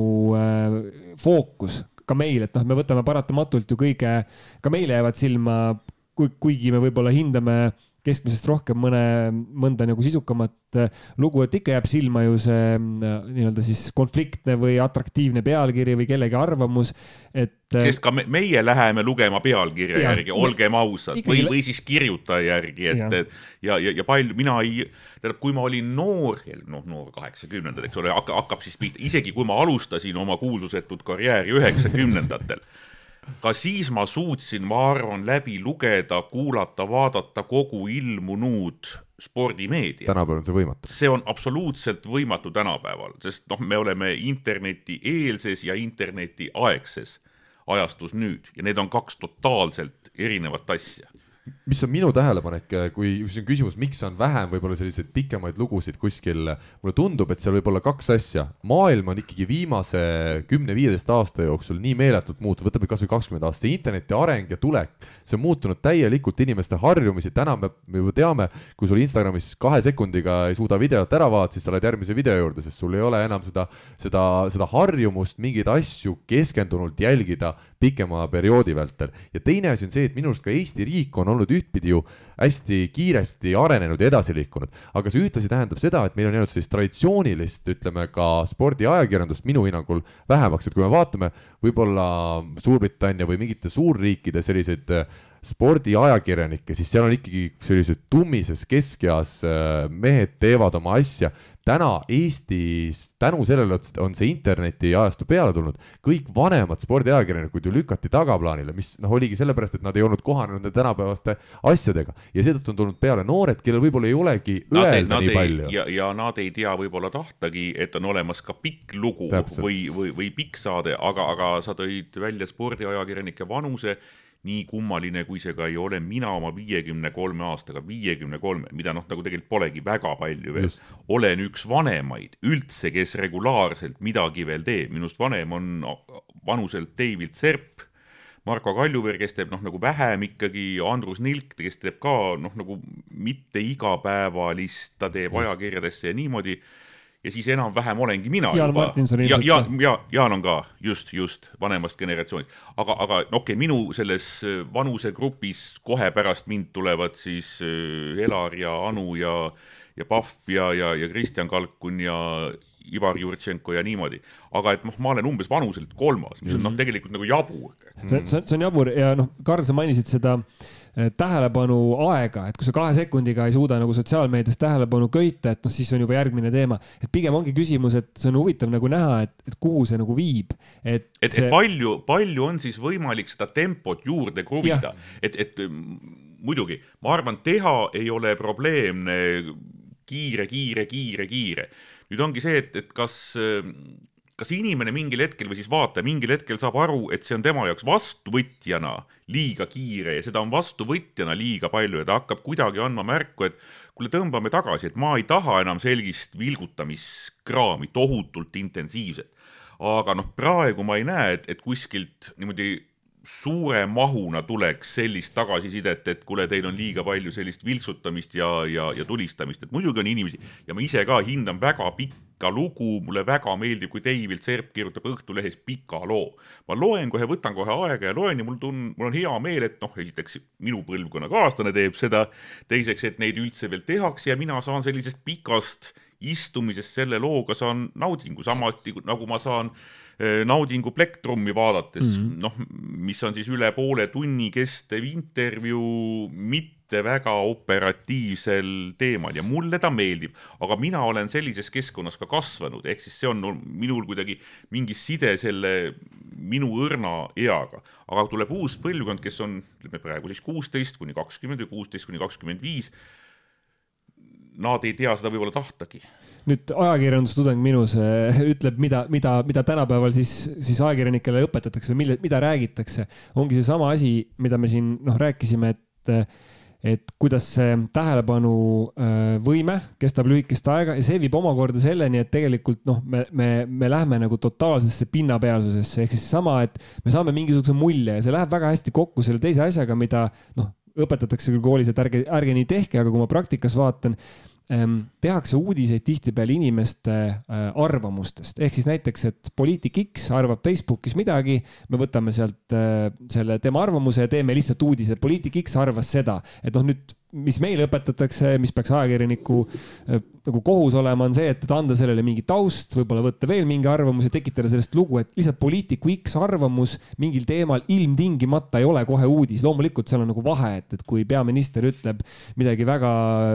muutvat, maailma muutvat, siis tuleb seda nagu kajastada, aga ütleme just sellised nagu lihtsad asjad, et, et poliitik X ütles poliitik Y kohta seda ja see muutub nagu omaette uudiseks, ehk siis me nagu Äh, sihukeses reaktiivses nagu olekus oleme kogu aeg, et nagu sa, Tarmo, ütlesid ka, et tempo, tempo, tempo, et üks arvab seda, teine arvab seda, kolmas arvab seda, aga miks arvab ja mis selle taga on? no aga vaata, te lähete ka siin podcast'is elevile selle peale, kuidas Rikberg ja Keel noh, üksteist sügavad, eks ole, ja, ja, ja mina kuulan nii nende omavahelist sügamist huviga kui seda, kuidas teie neid sügate selle sügamise peale. see on inimlik, eks see on ole. see on inimlik, tegelikult on see inimlik. aga Tarmo, kui see on ainus asi. vaata just... nüüd küsimus selles, et nagu ka igasuguse igasuguse hariduse mõttes, kui see äh, sügamine on nagu ainus asi, mis sa teed, no siis sa sügadki ainult ja, sul ei olegi mitte midagi muud, aga noh, selleks, et sügada, selleks sa pead nagu valdama teemat enne, et noh, pulli, ma arvan ka, et pulli võib nagu ikka teha, et ütleme, et selles mõttes seda ei tasu nagu ära unustada, et selline nagu, äh, mida Karlile muidugi eriti meeldib. mul praegu oli rusikatõus, ma ütlen kuulajatele ka, kui Tarmo ütles, et pulli võib teha. tema pullimees number üks meil siin, aga põhimõtteliselt, et noh, seda ei tohi ka ära unustada, ma olen ka vahepeal nagu liiga tõsine, aga samas põhi peab nagu all olema, et kui, kui sa nagu kaheksakümmend protsenti ajast teed pulli ja kakskümmend protsenti ajast teed veel rohkem pulli, noh siis, siis, siis ei ole, et see peaks olema mingis teises proportsioonis mina olen täna see, kes peab tõmbama meie teemadel hoogu maha, sest meil on palju küsimusi ja palju asju, mida arutada ja ma tean, et Tarmo ja Johannes, neil ei ole selle aasta lõpuni ainult puhkusepäevad võtta, vaid peab ka muid asju elus tegema. ja ma mainin lihtsalt ära, mul on alati praegu huvitav kuulata, kuidas Tarmo peab ennast ikkagi vanemaks inimeseks ja, ja tulebki öelda, et sa vähemalt spordi vald-, spordiajakirjanduse valdkonnas oledki meil juba vanem inimene. aga minu Äh, mälestus Tarmoga algab ju väga väikest lapsepõlvest, nii väikesest east, kui ma mäletan ennast äh, olevat ja, ja tegutsevat, me olime koos. mitte ainult sina siin laua taga. no vot, ja igatahes äh, oli siis Eesti Raadio või Vikerraadio sporditoimetus ja seal olid minu isa Eerik Lillo ja Tarmo Tiiser ja Tarmo Tiiser oli tol hetkel ju noor spordiajakirjanik võrreldes nende kahe teise inimesega, kes temaga koos igapäevaselt seal selles väikeses ruumis istusid, nii et minu jaoks kuidagi Tarmo, sa oled jätkuvalt noor. jah, see on tore kuulda, ma mäletan ka, kui noor Karl Anton Rinaldo pakiti raadiosporditoimetusse kollasesse, mis auto see meil oli? Hyundai oli. oli Hyundai, ühesõnaga mingisse kollasesse Korea autosse ja sõidati, sõideti kötsisesse ehk siis Eerik Lillo, Karli isa ja, ja, ja Karl, noh ja see oli väga vahva aeg, ma kuidagi väga tihti sattusin sinna, isa ikka võttis kaasa mind, ega ta kuskile mujale mind ei viinud ja, ja. ma nüüd mõtlesin, kas nüüd tuleb see lugu, kuidas noor Tarmo Tiisler ajalooarhiivist vaikselt siis raadiomajja oma proovilugu läks tegema, aga see on vist see mingi teise, see on mingi teise saate teema. see, see oli enne, siis ma, ma arvan, Karl, sest siis ei olnud. Polnud Karli veel äkki? üheksakümmend kaks. üheksakümmend kaks, aga noh, ma võin öelda sulle nüüd äh, sinu ego mahatõmbamiseks, et Mihklit ma tunnen veel varasemast nii, ajast. nii, no vot, nüüd hakkame, nüüd hakkame kapist välja tulema jah, ma, kui juba lapsepõlvemälestusteks läks, mina mäletan ikkagi Tarmo äh, vanemate ja Tarmo juurde minekut minekut lapsepõlves Õismäele ja seal oli lükanduks, mis oli ühe Tartu poisi jaoks täielik kosmos ja, ja noh, seal Soome kanalid olid loomulikult. no aga inimene tuli maalt linna. inimene tuli maalt linna. Õismäele. Õismäele, siis vaatasid, et seal on tar.... ja see maakoht on Tartu. see maakoht on Tartu, väike puust linn, nagu me teame. seda kust... ma olen oma sõpradele alati üritanud selitada, et Tartu on ikkagi maakoht. ilus, vaikne koht, tammelinn, eks ole, rahu ja nii edasi. ja ei, me Tarmoga jah, juhuse tahtel tunneme, oleme ühest puust sugupuust, aga tõesti, läheme edasi, sest meil on väga häid küsimusi täna väga palju tulnud. Aare Alba, meie saate suurim kuulaja, eh, on siis edastanud sellise pikema kirja, ma loen sellest kirjast ette sellise viimase osa. tänastele saatekülalistele ei sobi esitada tilulilu arupärimisi, sobiks sügavamõttelisem teemapostitus, mis tekitaks tuliseid vaidlusi ja erinevaid mõttekäike. kuna saate ajaloo jooksul pole minus, minust selles vallas abi olnud, siis ma ei näe kohta, kus kohast see pauk nüüd peaks tulema. kuigi ühe hiti ansamblid on maailmas küll ja veel tervitame Aaret väga mõnusa kirjutuse eest taas. kui raskelt ei saa, siis valime lihtsamada küsimus äh, tuleb, kas otseülekannete kommentaatoriks sünnitakse. ma mõtlen seda, et on ju võimalik numbrid, sekundid, meetrid pähe õppida, aga kui juttu ei tule, siis pole teha midagi ja vastupidi. ärge nüüd arvake, et ma tahan tulla konkurentsi pakkuma, ei, ei. ma katsetasin kodus kuus-seitse aastat tagasi suvel poisiga Viit Miinust mängides. naise ainukesed sõnad olid, mis sa plädised, tahaks vaikust ja rahu, kõrvad juba huugavad. ta teinekord ütleb õigeid asju ka, aga teile jõudu ja jaksu, pusime edasi, Aare nii et küsimus oli see, et kas otseülekannete kommentaatoriks sünnitakse? seda öeldakse mulle ka, et ära mölise või ära mulise nii palju. kodused ütlevad ikka, eks? ei, kuidas, ei no kodu, mul on jälle selline tore pere, et nad on absoluutselt mitte spordihuvilised, mu abikaasa on absoluutselt mitte spordihuviline, ehk siis kui ma ükskõik kui oluliselt ja emotsionaalselt sündmused koju jõuan, siis, siis kodus puudub igasugune reflektsioon selle peale. kas see on hea? see on täpselt viiskümmend, viiskümmend, et kui on nagu mingi asi, mida tahaks kodus edasi arutada või natukenegi jagada, siis ei ole kellegagi jagada. teistpidi on see jälle väga hea, sest see, ütleme, teravalt emotsionaalne seisund sööb suhteliselt palju ja ma ei tea, kuidas siin teistel on, aga mina, mida emotsionaalsem asi, nii pluss kui miinusmärgiga, seda raskemalt ma tulen sellest välja. ja siis on jube hea, kui sa lähed koju, paned ukse kinni ja see maailm vähemalt sinu eest on kadunud, kui sa seda ise kuskil arvutis või netis endale juurde ei tekita, et ei scroll'i mingeid asju ja ei vaata ja ei ole see. nii ja naa, küsimus on nüüd, nüüd, nüüd siis küsimuse juurde, et kas sünnitakse või, või kuidas sellega on, mina ei tea. mina ei tea, kuidas sellega on. ma arvan, et Eesti spordireporterid, tähendab, keegi meist ei ole õppinud spordireporteriks noh, on ju ilmselgelt, sest selleks ei saa kuskil õppida, ilmselt ülikoolis ja BFM-is mingisugune reportaažikursus on, ma eeldan ka häälega tehtava reportaažikursus, aga kui see on üks kursus, mis koosneb mõnest tunnist, siis see väga kaugele ei viia ei aita. ma arvan, et kõik Eesti spordireporterid, noh kõik, no ütleme siis kõik, on hakanud kuskilt otsast proovima. mina samamoodi, kõik, ka Eerik Lillo minu meelest hakkas kuskilt otsast proovima. ma isegi mäletan mingeid jutte, et Toomas Uba hakkas kuskilt otsast proovima, ka Gunnar Hololei hakkas kuskilt otsast proovima, et kuule, tule tee, jah, ja proovi. mina samamoodi ja, ja nii see käibki, minule see väga meeldib, sest see kuidagi ei standardiseeri meie spordireportaaži ühesuguseks, et ei ole kuskil kirjas, et see on õige või see on vale või nii peab ja nii ei tea, mulle meeldib, et see kõik areneb Eestis metsikult. mis tähendab, et võib tulla väga erinevaid huvitavaid tüüpe. kas nad on selleks sündinud, mis oli siis nüüd küsimus, jõudes küsimuse juurde, noh ilmselt mingi alge on peab olema, sul peab olema mingisugune soodumus rääkimisele ja, ja sellisele tähendab, kõigepealt sul peab sul olema mingisugune kogus edevust teiste ette esinema minna. sest ma arvan, et kõik, kes teevad spordireportaaže, on ikkagi üle keskmise edevad. Nad ju ronivad lavale sooviga, et seda kuulataks ja vaadataks, mida nemad teevad. mina teiste hulgas, mis ei ole ju ma vähemalt loodan kuidagi nagu taunimisväärne. ehk sul peab olema mingi edevuse geen, sul peab olema mingisugune sõnaseadmise geen. ja et saada heaks reporteriks, sul peab olema ka, ma arvan, suhteliselt taiplik mõistus. ja pluss sa pead saama aega kõvasti, sest et esimest reportaaži ei ole keegi hästi jaa, absoluutselt. mina võin öelda, et mina olen olnud hästi aeglase arenguga. ma ise mäletan seda hetke Sydney olümpial kui ma olin olnud raadios tööl seitse aastat. ja siis ma mäletan seda hetke, kui ma sõitsin bussiga koju ja ma esimest korda tundsin, et ma vist saan ka nagu natuke pihta asjale. et, et noh, nagu täitsa küll hea meel on, et ma sellise asja tegingi mm., aga mul läks seitse aastat aega. ja, ja, ja, ja, ja ülioluline ja võib-olla kõige alus on praktika, sa pead saama teha, mis on tänapäeval selle võrra lihtsam et tänapäeval võimalus kuskil kasvõi mingit Facebook laivi kommenteerida, sa saad oma esimesed vitsad seal kätte, et mina ikkagi oma noh, nagu vitsad sain kätte Vikerraadio eetris, mida noh, kuulab jätkuvalt väga palju inimesi, aga toona selle võrra rohkem. Ja, ja minu algus oli selline, jutud vanadest aegadest, tere tulemast! Et eh, anti mulle siis makk kätte, see oli niisugune makk, niimoodi kaalus paar kilo, üle õla kassett oli sees, mina läksin siis spordisaali. ja siis äh, istusin kuskile nurka maha, tegin ennast hästi väikseks, et keegi jumala eest ei näeks ega kuuleks mind. ja siis äh, noh, tee õhtuks lugu, mis siis tähendas seda, et ma istusin seal saali nurgas ja niimoodi ütleme, neli minutit oli kossumängu lõpuni või noh, kui võrkpallis mingisugune game, noh siis, siis juba mängiti kahekümne viie punktini vist, mulle tundub ma ei ole kindel, ma ei mäleta, millal hakati, algus oli ikka viisteist oli. ja ikka üheksakümnendate lõpus hakati. just, ehk siis noh, ma ka oma seda reporteri teed alustasin siis, kui mängiti võrkpalli viieteistkümne punktini ja hakkasin siis kuskil mingisugusest no ütleme kümme, kümme seisult game'ist pihta, kus võis eeldada, et äkki selle game'iga lõpeb ära ja siis ma siis nagu rääkisin alguses, et oleme siin nüüd, ma ei tea, kus spordihallis ja mängivad meil siis Rakvere rivaal ja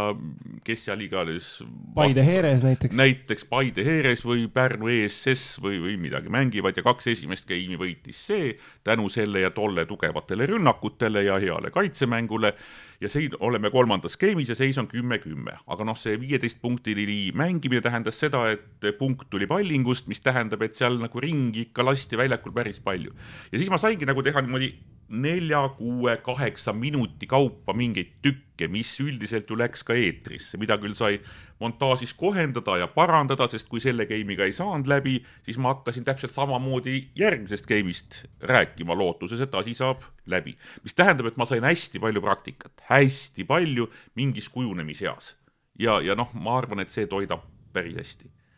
mina võin öelda seda, et, et kui tundubki see edevuse pool ja kindlasti edevus on, on tõesti ka olemas, olemas minus ja, ja teistes, ma olen sellega sada protsenti nõus. aga et kui see inimestele võib-olla tundub vahel, et see on selline unelmate amet, kus on kõik nii lahe ja sa saad olla teles ja, ja teha huvitavat asja, siis mina võin öelda küll, et esimesed umbes viis aastat esiteks oli mul äh, väga kõva eetrinärv, et kui ma olin teleülekandel tulemas, siis ma teadsin, ma eelmisel ööl korralikult magada ei saanud. Ja teine asi see, et ma olin või noh, siiamaani väga kriitiline ka selles suhtes, mida ma teen, ehk siis kui võib-olla mõni teine ütleb, oh nii lahe, et sa olid kuskil teles, siis mina tunnen ise, et kui ma selle peale mõtlen, et see oli nii halvasti võib-olla tehtud, eriti need esimesed viis aastat kindlasti, ma julgen öelda, täna ma julgen või ei taha midagi järele vaadata, mis ma tol ajal tegin, sest ma tean, et see oli kindlasti väga kehvasti tehtud, et, et, et sellel on nagu oma oma sellised vitsad või asjad, et see ei ole selline töö, kus on ainult rõõm ja pidu ja kõik on äh, hästi lihtne ja lahe. tähendab, unelmate töö on ta kindlasti minu jaoks on, et, et nagu Johannes ütles enne, et ta ei käi tööl, no mina ka ei käi, et ma väga oma elus polegi tööl käinud, ühe aasta viskasin mulda ühes aiandis, kui ma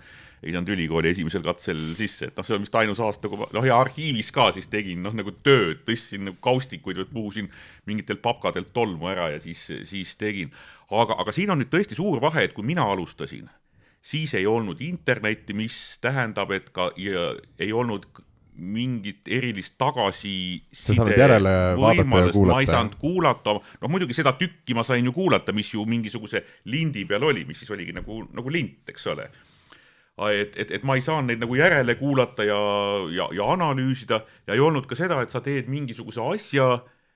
ja siis kuskilt hakkab sinule voolama, et, et sa oled idikas ja see tuleb ära koristada ja et kes see veel on, issand, kui jube, on ju nii kole, kuidas teda lastakse, miks küll sellised on. kõigil on oma arvamus, sõltumata nende kompetentsist. et ehk siis, kui mina alustasin, siis seda ei olnud. ma sain, noh, tänaval keegi ütles, kus sa raadios oled või? olin jah, noh niimoodi. spordisaalis, noh spordiinimesteni ikka jõudis, sest veel kord nüüd räägin vanadest aegadest, toona oli ajastu, kui inimene, spordisõber mis toimus päeval spordimaailmas, sai teada, kui ta kuulas õhtul Vikerraadio spordiuudiseid või vaatas ETV spordisaadet. ehk siis sa olid ka nagu rohkem oma tööga nähtaval raadios igapäeva uudislugu tehes, ehk siis see kõik on väga palju teistmoodi, aga praktika, praktika, praktika. Johannes, kas äh, kommentaatoriks sünnitakse või saab selleks kuidagi teistmoodi? Kui vaadata Eesti Raadio sporditoimetuse praktikat, siis äh, võiks nagu naljaga pooleks öelda, et sünnitakse, sellepärast et ma olen kuulnud alates Gunnar Hololei aegadest kuuekümnendatel, kui tema oli toimetuse juht. et, äh, et see käis nii, et anti inimesele ülesanne ja võib-olla Hololei läks, istus tema kõrvale ja ta tegi seda reportaaži ja siis anti hinnang, kas sa oskad või mitte, et seal ei olnud midagi ees äh, millised on põhireeglid ja nii edasi, et noh, Vello Lään näiteks on äh, meenutanud, juba viiekümnendatel käis see niimoodi ja mul on tunne, et see äh, noh, koolkond või mõttemall on läinud edasi kogu aeg, et ähm, reegel on siis selline, et visatakse justkui tundmatus kohas vette ja siis küsimus on selles, et kas sa saad hakkama või mitte. et, et kui seda põhimõtet vaadata, siis tegelikult ikkagi nagu sünnitakse, aga, aga sealt edasi ilmselt äh, siis sünnitakse, aga kasvatakse läbi, ma arvan, teiste kolleegide poolse abi. See on kindlasti hästi oluline, ja enne kui lähme edasi järgmise küsimuse juurde, lihtsalt kiirelt, et, et tõesti, eh, ega spordireportaaži või otseülekande reportaaži täna kuskil Eestis õppida ei saa eraldi, et see, sa saad ülikoolist võib-olla mingi alge, sa peadki nagu praktika käigus seda noh, arendama ja, ja arendama, et eetri häält õpetatakse ja selliseid asju, aga, aga sellist, et pannakse näiteks mingi ülekanne jooksma, kommenteeritakse ja pärast õppejõud hindab, sellist asja ei ole vasakukäeline sidemängija küsib järgmise küsimuse. me peame võib-olla selle küsimuse võtame natukene lühemalt kindlasti, sest muidu jätkuvalt see saade läheb seitseteist tundi ja peale. kas te spordiajakirjanikena mõtlete mõnikord sellele, et kui teie teete oma tööd professionaalselt, siis võiks ka see, mida te kajastate, olla professionaalne? teisisõnu, kas see, et täna on kõigi võrkpalli Eesti naiste meistriliiga mängijate jaoks võrkpall eelkõige hobi, muudab kuidagi seda, kuidas sellesse kui sporti suhtute ja seda kajastate? Ma arvan, et minu jaoks ei muuda, sest et ajakirjandus peab peegeldama tegelikkust. nii et ma ei ütleks, et äh, minu tööd see peaks kuidagi mõjutama, minu töö professionaalsust, see, et mida ma näen, kas see on äh, amatöörliiga või professionaalne liiga, ma arvan, et see ei ole, minu, minu jaoks ei tundu see kuidagi loogiline. Pigem mina peaksin siin silmas seda, et kui see inimene, ükskõik mis tasemel ta seda sporti teeb, teeb seda hingega ja südamega, mida ju naiste puhul täpselt oli aru saada, siis minul kui kommentaatoril ei saa olla teistsugust lähenemist, et kui ma näen, et inimesed, kes väljakul pingutavad, siis pean mina pingutama täpselt sama palju. teine asi, ma ütlen see, kui ma vahel olen vaadanud siin mingeid meeste meistriliiga mänge ja kommenteerinud, kus on võib-olla põhiturniiri mäng, võib-olla isegi pronksiseeria mäng, kus sa näed, et nendel mängijatel väga suurt vahet, neil ei ole kogu elu sellest ei sõltu ju, kas nad selle mängu võidavad või kaotavad ja nad näitavad seda ka vahel väljakul välja. siis on see olukord, kus ka kommentaatorina on raskem, kui sa näed, et väljakul olevatele inimestele ei lähe see nii palju mm. korda, siis on ka sul sealt kõrvalt seda raske teha endale nii oluliseks. ma arvan, et äh, see, kas väljakul on profid või, või amatöörid, seal pole vahet, aga sellel taustal on vahe, et näiteks kui me võtame äh, mingisuguse välismaa mängu kus on rohkem publikut ja kus on kirevam, on see spordihall või staadion kus on ilusam telepilt, siis meile tundub, et see asi on palju tähtsam. kui on tühjad tribüünid, kui on, kui on nagu natukene koledam staadion, siis meile kohe tõmbab see nagu masti maha, et, et me ei suuda alati seda, on see võrkpallimäng, jalgpallimäng, mis iganes, võtta nagu ilma kontekstita, et see platsil toimuv, hinnata selle taset on nagu eraldi väga raske, et sa paned seal ikkagi nagu konteksti, et kas, kas mängus on miski ja kas on ilus staadion, kas on publikut palju vasakukäine sidemängija jätkab, tal on mitmeid küsimusi, proovime need lühidalt ja konkreetselt läbi võtta. miks peaks mõni noor inimene tahtma spordiajakirjanikuks saada, mida see töö paremaks muudab? mulle tundub, et siin ka Johannese ja Tarmo vastuseks tulnud juba, vastused tulnud välja see, et see töö ise ikkagi on uskumatult lahe, tal on mingil hetkel loomulikult keerulisi aegu, nii nagu on kõikides ametites, aga kokkuvõttes me peame olema vist kõik õnnelikud selle üle, mida me teha saame, sest, sest see annab meile vastu nii palju. see on diagnoos, öeldakse selle kohta, spordiajakirjaniku staatus, ütleme niimoodi. olete nõus, jah? ma mõtlen, miks ta peaks tahtma saada, noh, ta, see on nii keeruline küsimus, et miks ta peaks tahtma saada, noh. mina ei tahtnud noorena saada spordireporteriks ma olin lapsena väga suur spordihuviline, aga ma kunagi ei mõelnud, et minust võiks saada spordireporter juba selle R-tähe pärast, mille puhul noh, mulle öeldi, et raadiosse sa küll tööle aga ei saa. tahtsid saada sportlaseks? ei, ma ei ole kunagi tahtnud saada ka sportlaseks, ma ei oskagi öelda, kelleks ma lapsena tahtsin saada, ma lihtsalt noh, siiamaani kulgen läbi elu kuidagimoodi, et mul ei ole niisugust suurt plaani, et kuuekümnendaks eluaastaks seda veel ära teha ja niimoodi, ma niimoodi vaatan, mis mulle elu äh, elu pakub, aga, aga noh, mulle tundub, et kui sa oled spordihuviline ja, ja see ja ei ole üldse vähetähtis, sa, sa nagu otsid elust mingeid huvitavaid asju veel, mida sa tahad kogeda, siis see amet seda ikkagi pakub, et ma olen ka ise mõelnud, et miks mulle see meeldib. ühe, mis ma olen välja mõelnud, on see, et see võimaldab mul näha lähedalt piirisituatsioonis olevat inimest noh, nii heas kui halvas. et me oleme kõik näinud äh, sportlasi, kes on noh, nagu mega õnnelikud ja siis nad on hästi lahti ja hästi kuidagi noh, nagu ilma igasuguse plokita. ja me oleme näinud kõik neid, kellel on läinud väga halvasti. ehk siis sa näed elu hästi-hästi lähedalt ja spordis just nimelt nendel kaotushetkedel on see see, see, ütleme, see kaitsekiht on maas ja sa näed, mis selle inimese all on ja seda vaadata on kõrvalt hästi, hästi huvitav. ja siis noh, teine, miks minule meeldib seda asja teha, on see, see, see tunne, mis ma saan, et mulle meeldib väga see tunne, kui õhtul on mingisugune ülekanne, siis ma noh, hommikust saati ikkagi mõtetes olen seal ja mulle meeldib see vibe ja see noh, niimoodi ootusärevus. ja mulle ääretult meeldib see tunne, kui sa teed kellegagi koos ülekannet, kui sa mingil hetkel tunned, et, et jube hästi klapib. et noh, nagu ja, ja, ja kui seda toetab veel ka see, mis seal väljakul on, vaat, vaat siis see kolmnurk, mina, minu kaaskommentaator ja siis see, mis on väljakul, vaat see annab kokku niisuguse noh, nagu vägeva, ägeda tunde ja läheb siis, kuidas läheb, et noh, nagu seda me ei saa kontrollida ja, ja sageli noh, ütleme kaotusmängu, dramaatilise kaotusmängu kommenteerimine toob kaasa hoopis mingi teistsuguse tunde. ja vot noh, need tunded on need, mis võib-olla tasuks kogeda ma ütlen enda puhul nii, et äh, võib-olla kooli ajal oli huvi näitlemise vastu, aga Tarmo teab minu isa hästi. Isa on selline ratsionaalne inimene, ütles, et näitlemist sa kindlasti õppima ei lähe, sest see on väga raske ja keeruline amet. jah, ja Karli vali..., Karli isaga ei vaieldud. ja, ja, ja ühesõnaga, et äh, tee midagi, mis sulle leiva lauale toob ja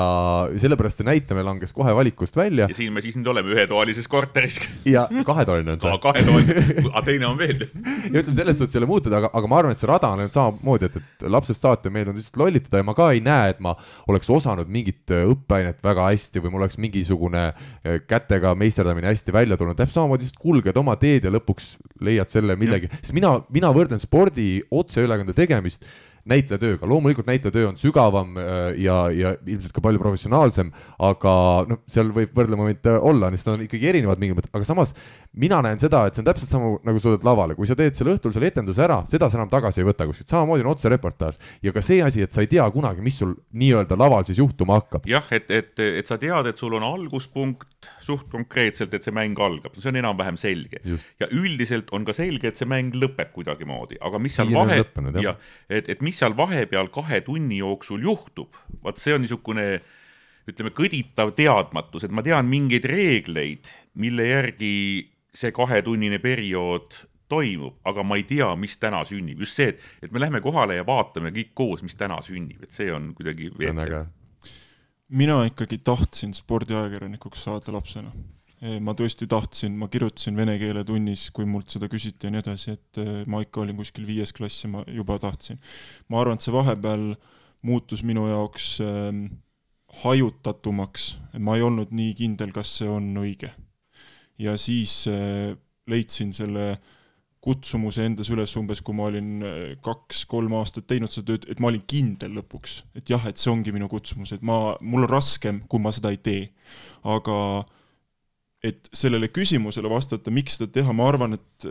ei saa, see on individuaalne persoonist lähtuv. minu puhul kindlasti on äh, nii, et ma tahan iseenda jaoks kuidagi mõtestada, et sport ei ole tegelikult elus kõige tähtsam minu arust eh, spordiajakirjanikud ka võiksid seda mõista, eh, vähemalt mõned. ma arvan, et see on hea, kui neid spordiajakirjanikke on, kes mõistavad seda, et sport ei ole elus kõige tähtsam asi. ja, ja just seda, et kuidas ta suhestub kultuuri ja ühiskonnaga ja ma mõnes mõttes olen tundnud võib-olla elus, et, ehm, et inimesed ei pea spordist tihtipeale palju, sest nad ei saa nendest tahkudest ja kontekstidest aru ja ma siis üritan neile selgitada. et nad väärtustaksid sporti kui, kui kultuurivormi samamoodi, nagu nad väärtustavad võib-olla muusikat või kunsti, sest et ma pean seda täpselt sama väärtuslikuks. mina tahtsin saada Toomas Ubaks väiksena, seda, mult küsiti, kelleks sa tahad saada, ma ütlesin Toomas Ubaks, nii et äh, aga miks sa ei ole täna spordiajakirjanik, kas see on sul mõttest läbi käinud, et sa võiksid sellele ikkagi keskenduda nagu täiskohaga? ma olen selle, seda on küsitud ikkagi palju, et ma olen küll mõelnud lihtsalt ka ajakirjandust nüüd õppima minnes, et ma olen seda alati öelnud siis, kui ma vahetult jalgpalliliitu läksin, kui ka, kui ka hilisematel aastatel, et kui kunagi see, see, seal peaks töö otsa saama, siis ma arvan, ajakirjandus on, on mu esimene valik pärast seda, sest ma ei tunne äh, nagu seda, noh, mõtle, miks ajakirjanikuks hakata, et siin on nagu erinevaid loogikaid, aga ma arvan, põhiline on ikkagi mingi missioonitunne, võib-olla mingi õiglustunne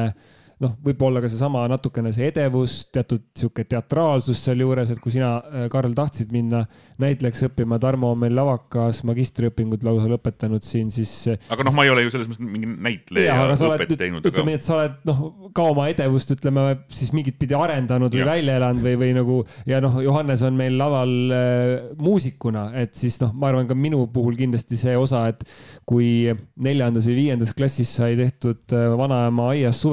suveteatrit ja Robin Hoodi etendatud, et ka see nagu näitab ilmselt, et noh, mingi, mingi selline seos seal on, et sa lähed ikkagi ka kommentaatorina või ajakirjaniku nagu mingisse rolli, et kasvõi kui sa lähed kajastama midagi, et sa ei saagi päris oma arvamust esindada, vaid see on nagu, sa võtad, sa võtad nagu mingi ühiskondliku rolli tegelikult, et ma arvan see on võib-olla ka niisugune ühiskonna tajumine ja missioonitunne, et kui küsid, kui küsimus oli selles, et, et miks hakata. ja noh, praktilise poole pealt võib lihtsalt öelda, et spordiajakirjanikud saavad võistlusi käia kajastamas, olla telgitagustega kursis, reisimas käia ja nii edasi, et aga noh, ma arvan, et selle peale nagu keegi ei mõtle esimese hooga, et see lihtsalt on nüüd, kui ma räägin, võib-olla vastan inimesele, kes meid kuulab ja on niisugune praktilisem, et tema mõtleb, et oh, mis mul sellest praktilist kasu on, noh näiteks saab kasvõi maailma näha, kui, kui muud kasu ei ole. no, noh, ma võib-olla siis selle ütlen veel juurde, et et, et tõepoolest mul on eriti viimastel aastatel,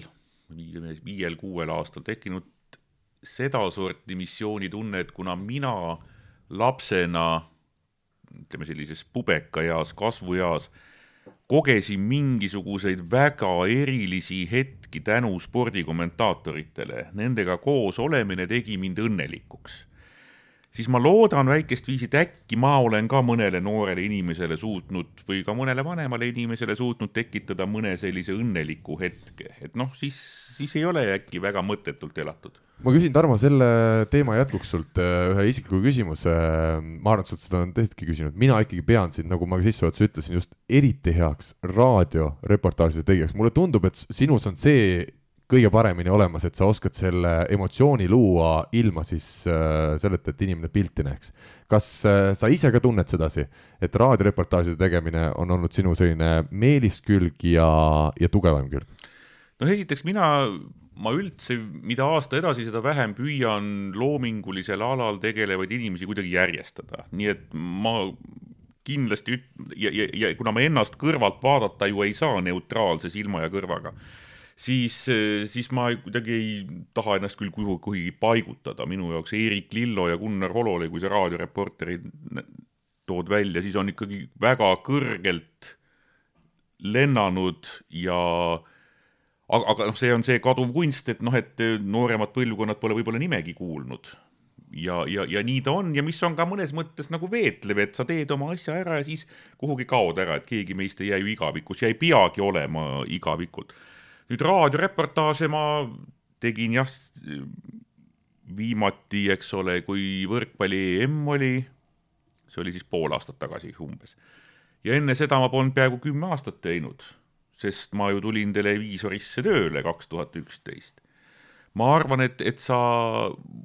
võib-olla mind raadioreportaažiga seostad rohkem ka sellepärast, et, et, et ma alguses olin raadios ja kuna me nagu isiklikult rohkem oleme lävinud aga sel... tead, ma olen kuulnud seda mujalt ka ikkagi, et igatsetakse taga natukene sellist asja. ma ütlen, ma ei taha mm -hmm. kedagi järjestada ja nii edasi, aga, aga mina tunnen, et sinu tugevam külg tuli välja raadios. no võimalik, võimalik, ma ei hakka siin ju vastu vaidlema, et, et võimalik ja, ja kindlasti seda ma olen ka Mihkliga palju arutanud, et eks ma ju teles teen sedasama raadioreportaaži edasi. ma teen seda ühte reportaaži ja ma arvan, me kõik läbi elu teeme ühte sama reportaaži, et mina harjusin esimesed kaheksateist või seitseteist aastat tegema reportaaži spordist niimoodi. hakkan nagu otsast minema ja siis nagu, nagu no lähen. just, ja, ja, ja lähen. ja, ja kindlasti, noh, nimetame seda stambiks, raadiostambiks või raadiovormiks, kindlasti tuli see minuga televiisorisse kaasa ma olen püüdnud seda teadlikult kuidagi maha kraapida. aga mida või kuidas, oskad sa mingeid näiteid tuua, kuidas seda maha kraapida või, või no, maha kraapima. mida teha kui... teistmoodi või milline no, ma... peaks olema teistmoodi? no ma esiteks äh, ära räägi kogu aeg. lihtsalt noh, pausi pidamine, vaikuse pidamine on see, mida ma jätkuvalt ei ole ära õppinud. ma küll püüan väga, et kui noh, jalgpallimäng on ja siis kuskilt taga söödetakse, no sa ei pea igal hetkel nime ütlema aga jällegi ma tunnen, mul mingisugusest noh, nagu kujunemisajast on sees see, et nüüd kogu aeg. sest raadios ei saa vaikust olla. just, isegi noh, saab olla, aga, aga sa pead ikkagi kirjeldama. see peab väga hästi kandma siis jah ju,? Ju, just. Ja mis sa nüüd küsisid?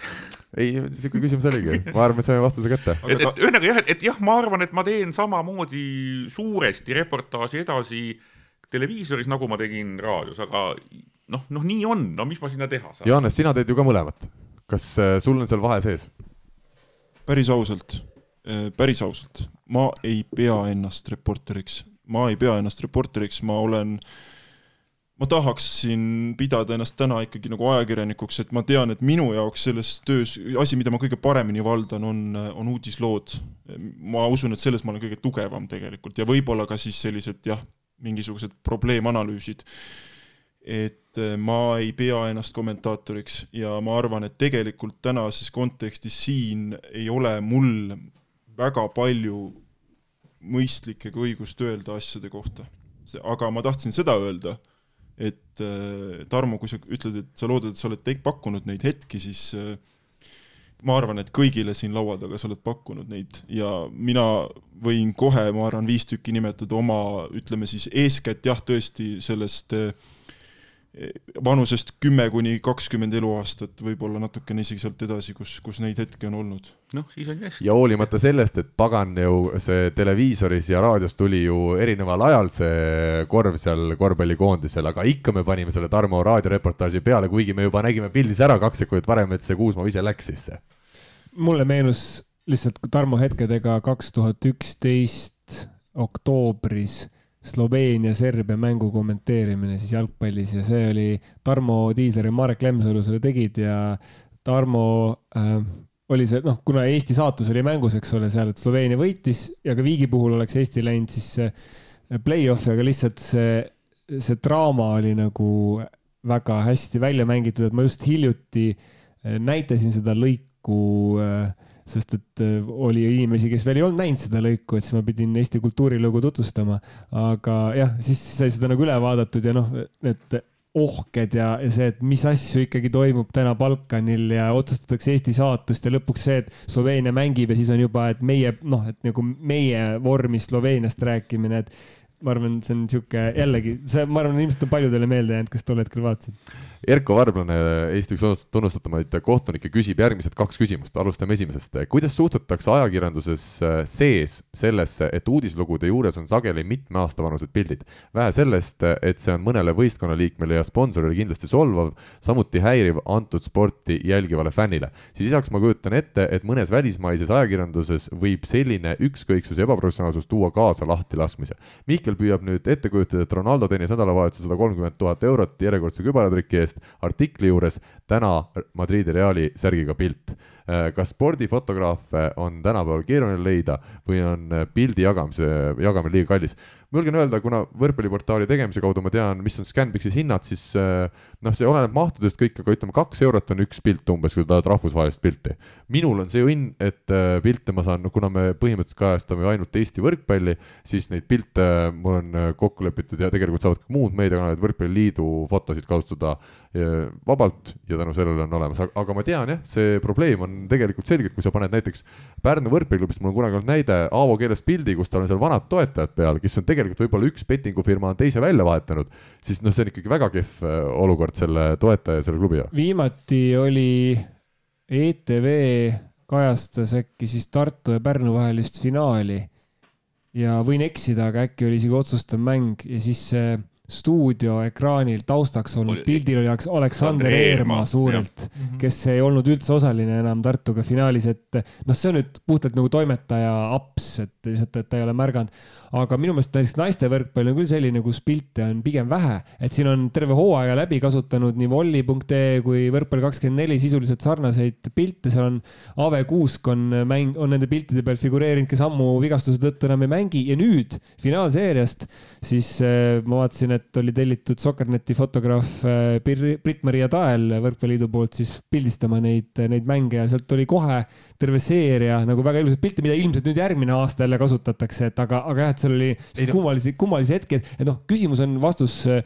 siis Erkole on, on kindlasti see, et ressurss on üks asi, sõltuvalt spordialast, ma tean, et jalkas on suhteliselt paljudel mängudel käiakse, seal on võib-olla värskeid pilte rohkem, aga üldiselt on ikkagi ressursi küsimus ja teine asi on siis ka toimetaja nagu pädevuse küsimus, et kas ma panen sinna lihtsalt mingisuguse, ah, panen sinna mingi Tartu mängupildi või siis, et ma ikkagi otsin nagu spetsiifilise pildi. ja kõige jamam on minu arust, mis tuleb nagu regulaarselt, on Postimehe need ülekanded mingitest naiste mängust, kus on pandud lihtsalt mingi ise, vahel isegi viiekümne aasta tagune naiste võrkpallipilt, millel ei ole mitte mingit seost sellega, mis antud hetkel toimumas on. aga kindlasti siin on see ka, et jälle neid lugusid tuleb täna online reporteril teha seal äh, meedias ütleme mhm. kuusteist mm. tükki päevas keskmiselt, ta võtab kõige selle esimese pildi, mis tal selle märksõnaga tuleb sinna ette, paneb selle kiiresti ja ei hakka üldse süvenema, kuna ega ta ei teagi tihti üldse, kes seal mängivad ja, ja nii edasi, ta ei saagi kõikidega sada protsenti kursis olla, siis tulevadki mm. sellised aja, ajasurve on nii suur, et sul jah, üks sporditoimetaja peab olema üldjuhul hästi paljude asjadega kursis me tegime jällegi koolis sellise ühe online toimetuse päeva selliselt, meil oli nagu Äh, ette nähtud, siis sa pead nii-öelda linti tootma või linti tegema, ehk siis sa pidid äh, äh, jagama ära, et sa pead nagu võimalikult kiiresti iga tund tootma mingi arv ühikuid ja noh, seal tekkis ikkagi väga kummalisi selliseid nagu apse, sellepärast et kui sa noh, paned, sunnid ennast kiiremini kõike tegema ja siis noh, ongi, et sa pead nüüd kiiresti pildi leidma ja tegelikult sul peab uus uudis juba üleval olema. et noh, lihtsalt see on natuke selle süsteemi küsimus ka, aga noh, kui me räägime erialaportaalidest nagu võrkpalli kakskümmend neli või, või volley.ee, siis, siis seal on seal on ikkagi küsimus selles, selles valikus, et tihtipeale nagu ei, ei ole raha ilmselt, et saata kõikidele mängudele, teine asi, et osad klubid vaata teevad ka ise ja jagavad. just, ma tahtsingi öelda, et minu arust tänapäeval on ju fotograafid on väga lihtsalt vabalt saadavad, neid on palju ka hobifotograafe. Eh, klubidele väga hea soovitus ka esiliiga klubidele, kes tahavad pildis olla võib-olla võrkpalliportaalis. tehke hooaja alguses eh, esimesest või teisest mängust näiteks fotogalerii, see umbes maksab viiskümmend kuni sada eurot, panete selle klubi peale kokku, iga inimene maksab, ma ei tea, viis-kümme eurot. Ja on olemas galerii, mida läbi hooaja saab selle klubiga seonduvalt äh, kasutada, et äh, et see on lihtsalt jälle selline väike võib-olla asi, mida, mida me saame natukene muuta, võib-olla kõik klubid ei teagi, et see oleks hea, et alati. Ja selle, siis on ka suurem tõenäosus, et sellest klubist kirjutatakse, kui seal on ka pilte võtta, see ei ole otseses seoses, aga see on kaudselt seotud, et kui sul on head pildid olemas, sa tead, ahah ma saan siit selle võtta ja kasvõi esiliiga uudises, kui sa vaatad, seal on kümme mängu olnud, et äh, ma panen siis pildiks just selle, kus on head pildid äsja tehtud talialade esindajad minu meelest hakkasid juba või on mitu aastat läinud seda teed, et nad teevad hooaja alguses äh, noh, nagu värskete võistlusvormidega. värskete toetajatega. just äh, pildid, professionaalselt hästi tehtud pildid ja, ja saadavad ja see on väga hea aga mis ma noh, ütlen veel ka selle sponsorite koha pealt vastuseks, et ega ajakirjanik ütles, ma ei tea, näiteks Delfi portaalis, ega tema ei pea vaatama, et et Pärnu võrkpalliklubist saaks värske pilt, tema vaatab, et tal on arhiivis Aavo Keele pilt. seal on Aavo Keel põnevas sihukeses situatsioonis või lahedas situatsioonis ja ta paneb selle, et kas seal on nüüd Aavo Keel kolme aasta taguse sponsoriga või tänapäevase ja, sponsoriga. ja et kui on valida, kas emotsionaalne Just. pilt vanas vormis või mitte nii emotsionaalne pilt pilt värskes vormis, siis noh. siin ongi nüüd nagu vahe nagu ajakirjandusel ja siis ütleme, ma nimetaks meedial või siuksel informatsiooni jagamisel, et noh, me olemegi võib-olla see, see piir on nagu hägustunud, et kõik, mis nagu Facebookis toodetakse, enamik sellest, mis seal toodetakse, ei ole ajakirjandus, see on, see on lihtsalt noh ütleme, erinevad organisatsioonid või ka üksikisikud jagavad selle informatsiooni ja seal on see, et timmitakse seda sponsorlust vägagi täpselt, onju. aga nüüd ajakirjanikul, tema jaoks ei ole vahet, see sponsorlus, seal on pildi nagu kvaliteet on oluline. ma just Kertu Laagile üks päev äh, rääkisin seda,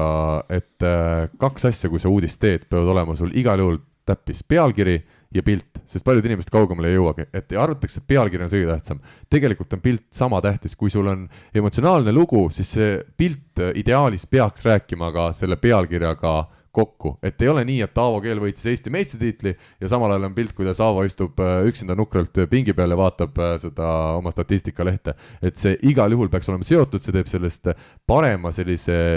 terviku ja nii edasi, et tegelikult see pilt tõesti, ma olen sada protsenti nõus ühtpidi on värskus hea pildil, aga teisalt see pilt peab olema seotud ka selle looga ja selle emotsiooniga. Läheme edasi. Äh, Erko, teine küsimus, kas ja kui palju aitab alakajastusele kaasa alaliidu või liiga toimkonna meediasuunaline tegevus. kui EM-i ajal olid saali tulnud ajakirjanikud valdavalt võrkpallilainel, siis näiteks Grade kakskümmend neli finaalturniiri ajal äh, sel aastal istuti küll meedia laua taga A Le Coq spordihallis, ent jälgiti võrkpalli asemel Eesti-Poola korvpalli või Ott Tänaku edenemist Rootsi rallil seda on Erko tähele pannud. minu arust seal äh, jälgiti tegelikult äh, sõda. ma nii palju kui ma mäletan ja päris tõsiselt jälgiti, et see oligi raske seal minu arust äh, sellele võrkpallile keskenduda e,. aga tähendab ala-, tähendab jah, ilmselgelt kui ajakirjanik on võrkpallimängul, ta vaatab aeg-ajalt Delfist või tele, Delfist, arvutist või telefonist ka muid uudiseid. noh, me ju ei eita seda, et me seda teeme, aga üldiselt kui või, või kuidas see selle meediainimesega seotud oli või ja kui palju aitab alakajastusele kaasa alaliidu või liiga korraldustoimkonna meediasuunaline tegevus? et võtame neti välja saalist Ma arvan, et- aitaks küll. siin võib-olla siis äh, küsimus on, et nagu näiteks selles eeltöös või, või nii-öelda noh, personaalses teavituses või mida iganes, et kui selle peale mõelda, siis ma arvan, et see noh, ma, ma arvan, et siin ei ole tegelikult kahtlust, et see aitab. Et äh, nüüd on järgmine küsimus, et kui palju äh, siis kajastaja lähtub oma valikutes äh, sellest materjalist, mida talle ette nii-öelda võib-olla siis kajastada antakse. Aga, aga ma arvan, et, et noh, see teadlikkus ja, ja võib-olla siis ka mõne, mõningal määral alaliidu poolse selle seisukoha nii-öelda teadmine noh, nende, nende töö tulemusena, et, et see pigem ikkagi aitab, et ma, ma ei, ma ei näe, kui ajakirjanik on professionaalne, siis ma pigem ei näe, et see oleks probleem, ütleme nii. pigem on võib-olla natuke ka see küsimus selle nurga alt, et kui ei ole kajastust, kui näiteks ajakirjanikke pole piisavalt saalis, noh siis ikkagi antakse ju märku tavaliselt kas klubile või alaliidule, et noh, te pole piisavalt teinud, et need oleks saalis, et kas see on nagu siukses lineaarses kooskõlas, et kas, kas te tulete saali siis, kui äh, on see siis võrkpalliliit või mõni muu alaliit on teinud äh, nii-öelda piisavalt hea eeltöö, et te teid sinna saali tuua või te teete need valikud ikkagi ise? ei noh, selles mõttes Mariel Gregori käsu peal me nüüd ka saali ei tule, et et küll, aga ma arvan, et, et kui mul on saali tuleku kord mängule, siis Marielilt lihtsalt küsin midagi Messengeris, et se, se, seda-täda ja, ja, ja nii, ja niimoodi. et, et ei, me ikka noh, valikut teeme ise kuigi ma ütleks, et on väga hea, et, et tuletatakse meelde nädala alguses, nädala lõpus on asjad, meil on küll endal kõik kalendrid ja need jooksevad ja, ja on nagu ülevaade olemas, aga see, kui aeg-ajalt meelde tuletatakse, on, see, see ei tee paha kuskilt otsast. just, ja kui arvestadagi taaskord seda, kui palju on täna erinevaid alasid, kes kõik tahavad olla kajastatud just ka Rahvusringhäälingu vahendusel, siis see meeldetuletamine on minu arust täitsa ka arusaadav, ma mäletan, kui esimene kontakt taolise olukorraga, me tegime neid talviseid mitteametlikke Eesti rannavalve meistrivõistlusi, ma helistasingi kas Johannesele, Juhan Kilumetsale, lõpuks ka Anu Sääritsale ja lihtsalt selgitasingi, et meil on, miks see asi on lahe, miks tuleb, et esimest korda meil on Eesti tipud seal olemas, midagi uut ja lahedat, et, et selgitada ära, sest muidu see inimene, ta ei jõuagi tuhande erineva alaga, mis Eestis toimub, kursis olla ja kui sa selgitad ära, võib-olla tal tekib endalgi arusaam, et äh, see võiks olla miski, mida me võime kajastada ja lõpuks äh, küll paar päeva hiljem, aga väga lahedalt oli see, oli see kõik ka ETV kanalites. ma arvan, et kui ma ise ei oleks neid kõnesid teinud, võib-olla polekski olnud seda teadlikkust, et sihuke asi toimis ja kuidas sealt pildi saada ja nii edasi, et, et see meeldetuletamine ka inimlikul tasandil, see on ju täiesti selline arusaadav, et sellest võib siis ka sündida tulu kokkuvõttes. Läheme edasi küsimustega. meil küsib äh, Allan kas ja kuidas teie meelest meedianarratiiv võib mõne spordiala või spordiürituse populaarsust mõjutada? kindlasti mõjutab. ma mõtlen või, või mida jah, ma arvan küll, jah. no kas nüüd tuleb see klassikaline laskesuusa jutt ma just tahtsin öelda, et siin võiks see laskuse jutt tulla, et tegelikult noh, see on, see on hea näide. eelmise aasta detsembris meil on iga paari aasta tagant, me teeme jalgpallis, tellime sellise avaliku arvamuse uuringu, mille siis Kantar läbi viib Eestis ja kus uuritakse Eesti inimeste meelsust siis spordialade suhtes ja see oli kaks tuhat kuusteist esimest korda, kaks tuhat kaheksateist teist korda ja nüüd eelmise aasta lõpus kolmandat korda. esimest korda nüüd eelmise aasta lõpus oli siis top viie jälgitava spordiala hulgast tulnud laskesuusatamine, mis ähm, jalgpall oli esimene, siis oli tükk tühja maad, siis olid neli äh, spordiala koos, oli korvpall, kerge, motosport, kergejõustik ja laskesuusatamine nagu põhimõtteliselt nagu hästi tihedalt äh, nagu äh, ühe selles ja laskesuusatamine varasemates uuringutes noh, praktiliselt ei figureerinudki. et selles mõttes noh, seda fenomeni äh, ega, ega seal pole jällegi uuringus ei küsitud, et noh, et miks te nüüd laskesuusatamist jälgite, aga seal oli näiteks vanusegruppide järgi ära, ära jaotatud ja väga palju oli näha, et võrreldes teiste spordialadega vanemates vanusegruppides laskesuusatamine oli eriti populaarne. ehk siis ma nimetakski inimesed, kui noh, siin on ka äripäevadel ju, tööpäevadel olnud äh, päevasel ajal need ülekanded, noh, neid saavadki vaadata ainult inimesed, kes ei, aga mina kodus. vaidlen vastu, minu arust, mul on just tundu-, jäänud selline mulje, vanemad ka kindlasti, aga ka nooremad inimesed, kes muidu ei ole suured spordisõbrad, aga kuidagi siis laskesuusatamine on saanud nädalavahetuse traditsiooniks, et vaatavadki noored inimesed täiesti ei, eriliselt hea meelega laskesuusatada. vaata, see ongi nüüd see vaidlus, et sa vaidled vastu, ma lihtsalt räägin, mis äh, avaliku arvamuse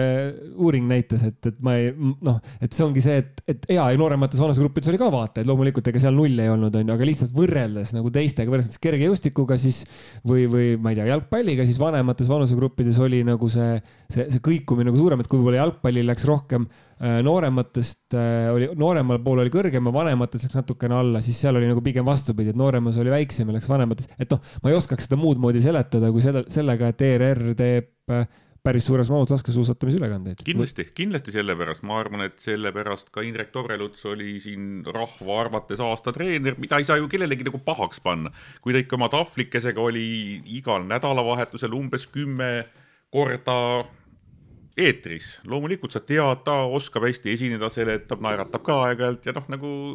noh, nagu tore. muidugi ta mõjutab kuvandit, muidugi mõjutab kuvandit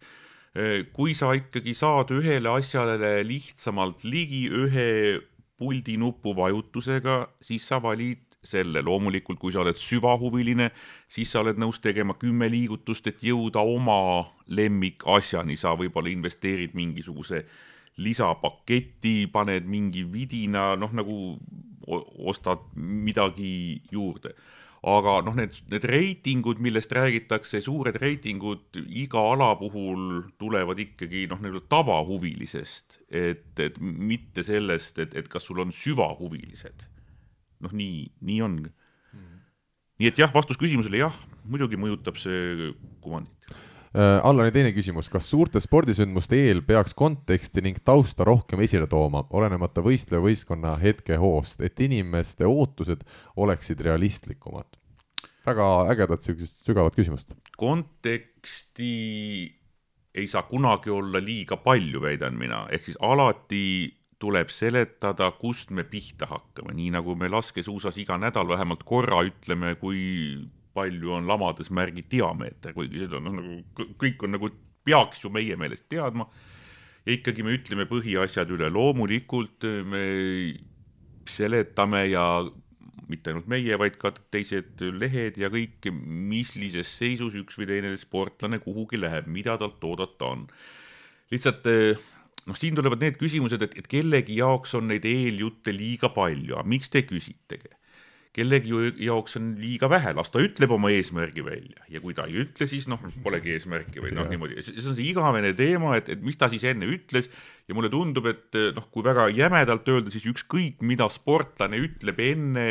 võistlust või pärast võistlust kellegi meelest ütleb ta valesti. täpselt, meil on. ja, ja see on iga asja kohta nii, et kellegi meelest on see valesti. kaks head näidet minu arust, Erki Nool alati ütles enne võistlust välja, tema tahab võita võistlust, tulla olümpiavõitjaks, Magnus Kirt vastupidi näide, kes kunagi ei taha enne panna mingeid pingeid endale peale ja on samamoodi maailma tipus, et seal ei ole ka seda, et see üks on nüüd õige ja, ja hea moodus. ja, ja, ja noh, mina tahaks sport, isegi nende sportlastega, kellega ma ei läbi igapäevaselt, eh, tahaks kuulata enne võistlust, et kuidas sul on, et noh, et mis, mis me siis ootame, et ega me siis noh, kui sul ei tule välja, ega me siis sinusse ju halvasti ei hakka suhtuma, et kuidas sul läheb, selliseid jutte. ja paljude jaoks paljudes on jälle selline udu, udutermin, aga ini-, on inimesi, kelle jaoks, aga mida te kiusate neist enne võistlusi, et las nad teevad oma tulemuse ära ja siis, siis räägivad, et noh, siin on lihtsalt nii erinevad nägemused, mida oodata, mida mitte. ja ka inimlikul tasandil, millisele sportlasele mõjub see isegi hästi, kui sa uurid talt enne, milline ei just, tahagi, et sa pead just. tundma ka seda väga personaalselt, seda sportlast. ja mõni sportlane tunneb, et ta ei ole, talle ei meeldi verbaalselt esineda, talle ei meeldigi rääkida, tal meeldib mm -hmm. teha oma asja ja siis tuleb diisler oma kaameraga, räägi. Nojah, aga siin on ilmselt see, et ega ajakirjanik ei saa sellest lähtuda nüüd, et äh, sportlane X ei taha rääkida, et kui ta on ikkagi, läheb medali lootusega või mis iganes äh, lootusega, kõrge lootuse ja ootusega starti, siis noh, avalik huvi on olemas, ma lähen ikkagi teenin äh, rahvast seal ja ma lähen küsin ta käest need küsimused ja proovin temaga nui neljaks selle intervjuu kokku leppida ja kusjuures noh, see pole üldse oluline, kuidas ajakirjanik selle intervjuuni nagu jõuab, et noh, et siin kui kangelaslik see on või kas nüüd äh, mõni vehkleja punnis vastu sellele intervjuule või mitte, et noh, ma teen oma tööd, on ju, ma pean saama selle intervjuu kätte, ma viin selle lugejateni, ma võin kuskil õlleklaasi taga rääkida loomulikult, et näed, see mees või naine oli nagu pigem nagu. aga, aga kas sportlasel sinu meelest on kohustust enne võistlust anda intervjuud, kohustus? ta, ta võib ära öelda loomulikult, ta võib ka pärast võistlust ära öelda, pole üldse nagu noh, nagu juriidilist kohustust, aga ma mõtlen, et see on nüüd küsimus, et kuidas ta ennast nagu identifitseerib, et, et kas ta on nagu osa sellest, eh, noh, et see on see, et kui hakatakse preemiaid jagama, et siis, siis on nagu eh, kuldmedali võitnud inimene on küll, et noh, tahaks selle riigipreemia nagu vastu võtta, aga see noh, nagu Äh, avalik äh, nii-öelda staatus, et võib-olla see noh, Andrus Veerpalu näide viimasest ajast on võib-olla kõige markantsem, et inimene, kes on aastaid olnud Eesti inimeste südames, nüüd sellisel kriitilisel hetkel vaikib, kaob ära, ei ütle mitte midagi, et noh, see see on tema valik, aga see näitab ju seda, et ta nagu ei taju ka anda vastutust ühiskonna ees või enda seost selle ühiskonnaga või ta ei tahagi seda nagu vastutust võtta, et ta tahabki öelda, et ma lihtsalt lõikan ennast nüüd sellest ühiskonnast välja, kusjuures see ühiskond on talle andnud, tema on sellele ühiskonnale andnud, see on niisugune väga nagu noh, mõnus nagu vastastikune suhe olnud ja nüüd seda enam ühel hetkel nagu ei ole. et aga noh, ma mõtlen just ajakirjaniku perspektiivist. Äh, vahet ei ole, kas ta, kas ta tahab anda või mitte, ma pean ikka nagu proovima. ei no,, muidugi, muidugi. Ja, ja, ja, ja mulle, mulle meeldib, kui kõik see on kuidagi ära reeglistatud. Ja need reeglid sageli töötavad minu kahjuks et, et kui ikkagi jalkakoondis paneb need reeglid, et sportlasi intervjueeritakse seal, loomulikult, kui mal, mul on mingid muud soovid, ma võin need esitada ja siis me hakkame läbi rääkima, nagu me näiteks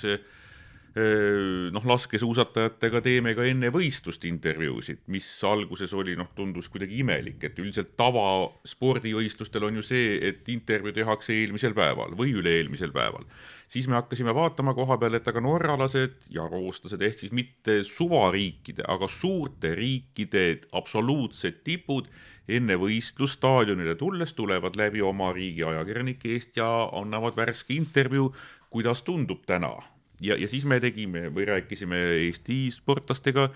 ja nendele, noh, nad olid ka seda näinud, et see nii käib ja siis ütles, et selge, teeme. seal, seal on ka veel see küsimus, et nüüd sportlane versus ajakirjanik või treener versus ajakirjanik, et ähm, noh, ajakirjanik on kes, et ega ta seal ei ole nagu oma huvist, et kujutame ette, et on sada tuhat inimest, kes tahab teada saada kõik, kuidas sellel sportlasel läheb. Nad ei saa kõik ta käest otse küsida, ajakirjanik on justkui nende esindaja, et noh, sportlane peab ka sellest aru saama. Ja seal on nüüd seesama hetk tekib, et ütleb sportlane või treener, et kuule, sa kirjutasid must eelmine kord negatiivselt ajakirjanik ei kirjuta positiivselt või negatiivselt üldjuhul, kui ta just ei tee nii-öelda ütleme vigu, onju, vaid ta, ta, ta proovib kajastada reaalset olukorda. kui reaalne olukord on halb, siis ta kajastab seda ja sellepärast ei tasu nagu ajakirjaniku peale solvuda, ütleb, et ah, sa kirjutasid must negatiivset, sa, sa kunagi must midagi positiivset ei kirjuta. nojah, et nagu see, noh, tihtipeale unustatakse nagu see ära, et ajakirjanik ei olegi seal, et noh, teha promo sellele ettevõtmisele, vaid nagu püüda nagu peegeldada, et mis siis realistlikult toimus ja kui paraku toimus midagi negatiivset, ta võib isegi sinusse personaalselt suhtuda väga hästi, aga midagi teha ei ole, ta peab kajastama nii nagu asjad on, et ta ei saa öelda, et kaheksakümne kolmas koht tuli kaheksakümne nelja võistleja seas ja öelda, et sa olid nagu väga tubli, et, et noh ja, ja noh, see on noh, umbes sama kui võrkpallis, eks ole, abi, noh, peatreenerid ei käi game'ide vahel, aga abitreenerid ju üldiselt eh, käivad. et ma arvan, see on see, et, et kõik osapooled on saanud aru, et see tervik asjale tuleb kasuks, et see teeb inimesi juurde vaatama, kui nad kuulevad sealt, kas, kuidas selle vigastus on või et, et miks siis plokk ei tööta, et miks parandame, oleme antennist kaugel või, või, või, või kuidas, et tervikuna see toob nagu kasuks. Need on selles mõttes noh, väga sageli tundlikud olukorrad, sest on sportlased ja treenerid on ikkagi sellises kõrgendatud seisundis ja oleme ka meie seal väljaku ääres kõrgendatud seisundis, sest me ka meie tahame oma tööd teha hästi ja nüüd see noh, nagu tulebki kuidagi inimlikult ära rääkida niimoodi, et, et see kõigile tekitaks võimalikult vähe mingisuguseid lisahaavu. ja minu arust, miks ongi Eesti võrkpall,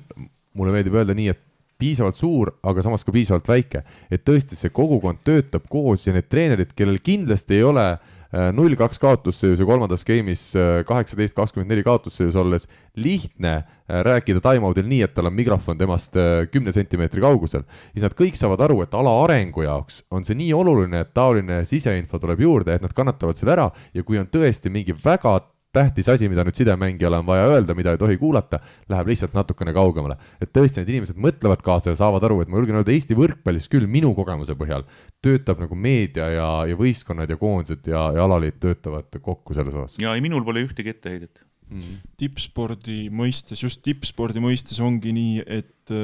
et kui räägitakse, kas tippsport on meelelahutus või mitte, ma arvan, et selle üle võib vaielda, Mihkel, ma olen siin sinu paadis, aga, aga põhimõtteliselt äh, tippsport on asi, mis peab kõnetama inimesi väljaspool publikut, et jätkusuutlikkuse mõttes minu arust ajalugu on piisavalt tõestanud seda, et kui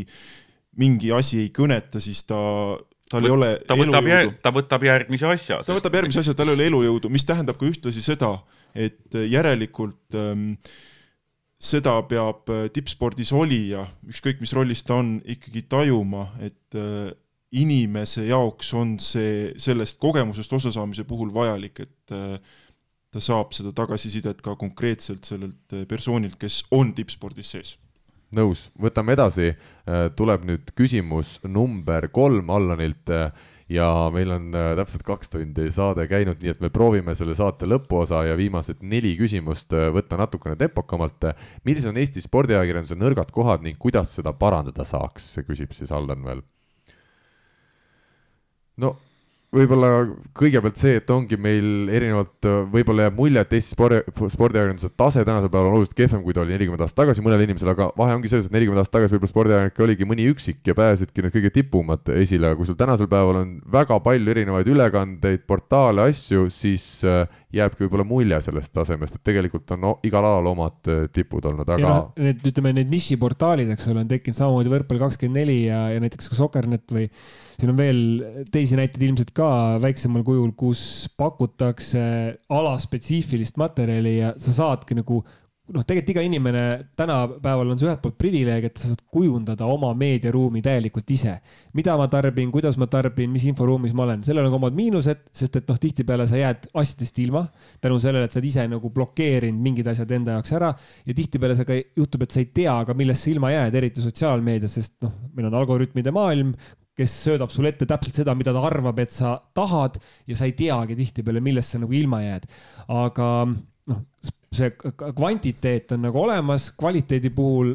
on eredad tipud äh, aga kogu see spekter ei ole kvaliteetne, aga võib-olla jah, me suhtume võib-olla nii teravalt sellepärast, et, et me oleme nagu tahaksid justkui iga samm oleks kvaliteetne, ma arvan, et, et võib-olla tarbijad või inimesed, kes loevad ajakirjandust, peaks pigem aru saama, et kas tegemist on nüüd kellegi isikliku emotsiooniga, kas tegemist on lihtsalt lingiga otseülekandele või tegemist on noh, nii-öelda kvaliteetse ajakirjanduslooga, et võib-olla vahet tegema selliste noh, ma ei tea, lihtsate tekstide ja reaalse ajakirjanduse vahel, et noh, iga info, mis sa saad, ei ole eh,, ei ole ilmtingimata ajakirjandus, et,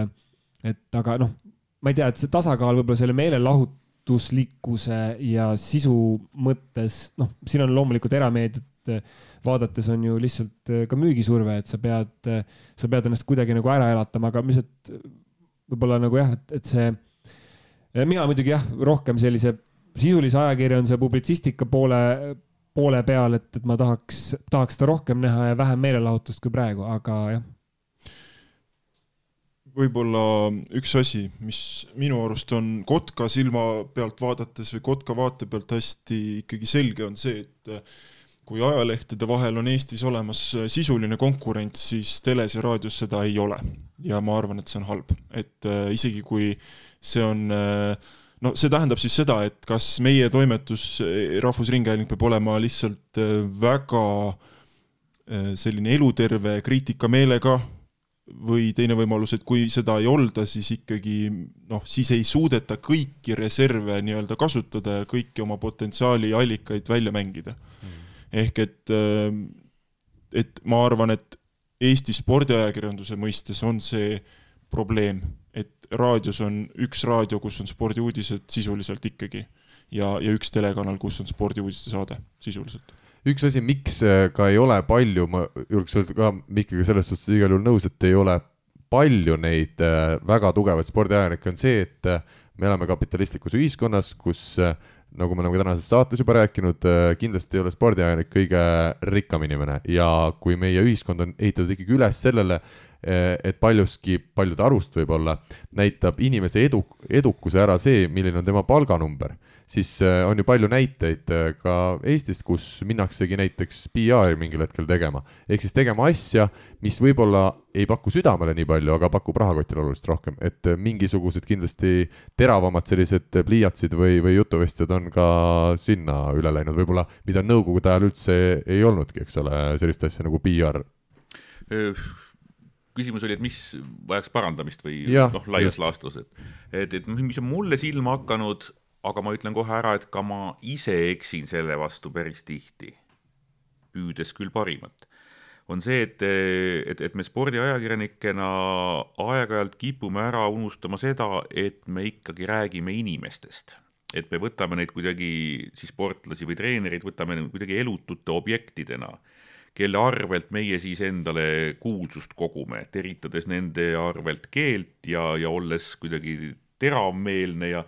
saades head lugu või, või saades head äh, teleülekannet, et noh, olen ju lahe mees, aga siin panen puid alla ühele või teisele.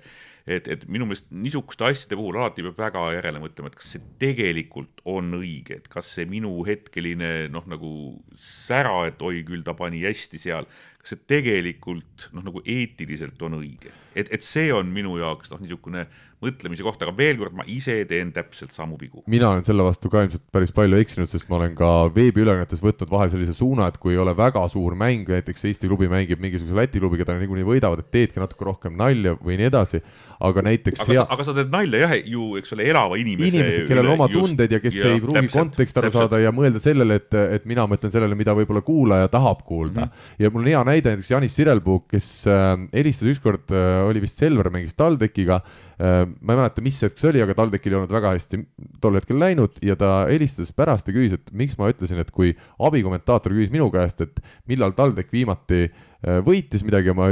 või, mina vastasin talle igatahes mingi küsimuse peale, et millal üldse TalTech viimati võitis, sest tegelikult oli sealt noh, ma ei tea, viis-kuus mängu mööda läinud, et selline väike kerge nali, mis endal tundus väga süütu, siis kui klubi peatreener seda tagantjärele kuulates äh, kuuleb, siis talle läks see tol hetkel väga hinge, sest, äh, sest seal temal olid teatud põhjused, miks need mängud ei olnud õnnestunud, tema ju kokkuvõttes töö ja palk tuleb sellest, kui palju meeskond mänge võidab. ja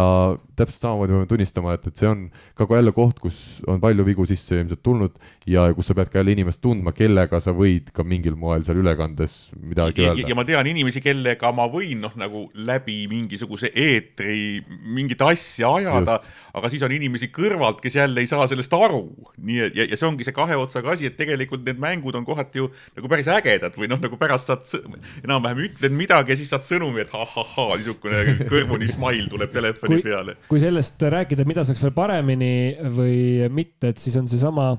noh, nagu emotsionaalsuse küsimus, et kui väga see spordireporter on seal, on seal teemas sees ja see on nagu hea selle koha pealt, et noh,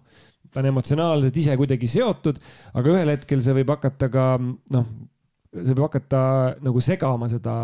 seda, seda vaatamist, et noh, näide on siin äh, seesama laskesuusatamine, et kui ikkagi meie oma laseb tiirus viienda märgi alla ja siis äh, kaks reporterit mõlemad äh, karjuvad niimoodi, et sa ei saa aru isegi, mis nad ütlevad seal, et siis noh, ühelt poolt see võib tunduda nagu lahe, aga kui ma nüüd võtaks siukse Joosep Susiliku hoiaku või Indrek Švedeliku hoiaku, siis ma ütleks, et see on ebaprofessionaalne. et noh, see ongi, et kuidas see nagu vaataja on, et kui Susan Külm laseb äh, viienda ja, ja siis reporterid karjuvad pane suss selle peale, siis noh, et... mina ühena neist kahest ütlen, et see on äge ja on põhjendatud. minu arust ka, jah no, no, vaata. parem pane suss kui see, et jah, Susan Külm läbis tiiru eksimusteta. ei, aga, aga, aga miks peaks niimoodi ütlema? aga see on minu isiklik arvamus, ma ütlengi, see on, oleneb, milline inimene on. aga, aga noh, see ongi, ma tahangi öelda, et siin ongi nagu erinevad koolkonnad, et ütleme selline, kui me räägime ka spordikommentaarist, millest enne oli ka üks küsimus, et siis ütleme, Joosep Susi ja Indrek Švede on selline, kes, kes on sellest ka mõlemad kirjutanud erinevatel aegadel, kes esindavad siukest nagu väga traditsioonilist koolkonda, kes ütlevad, et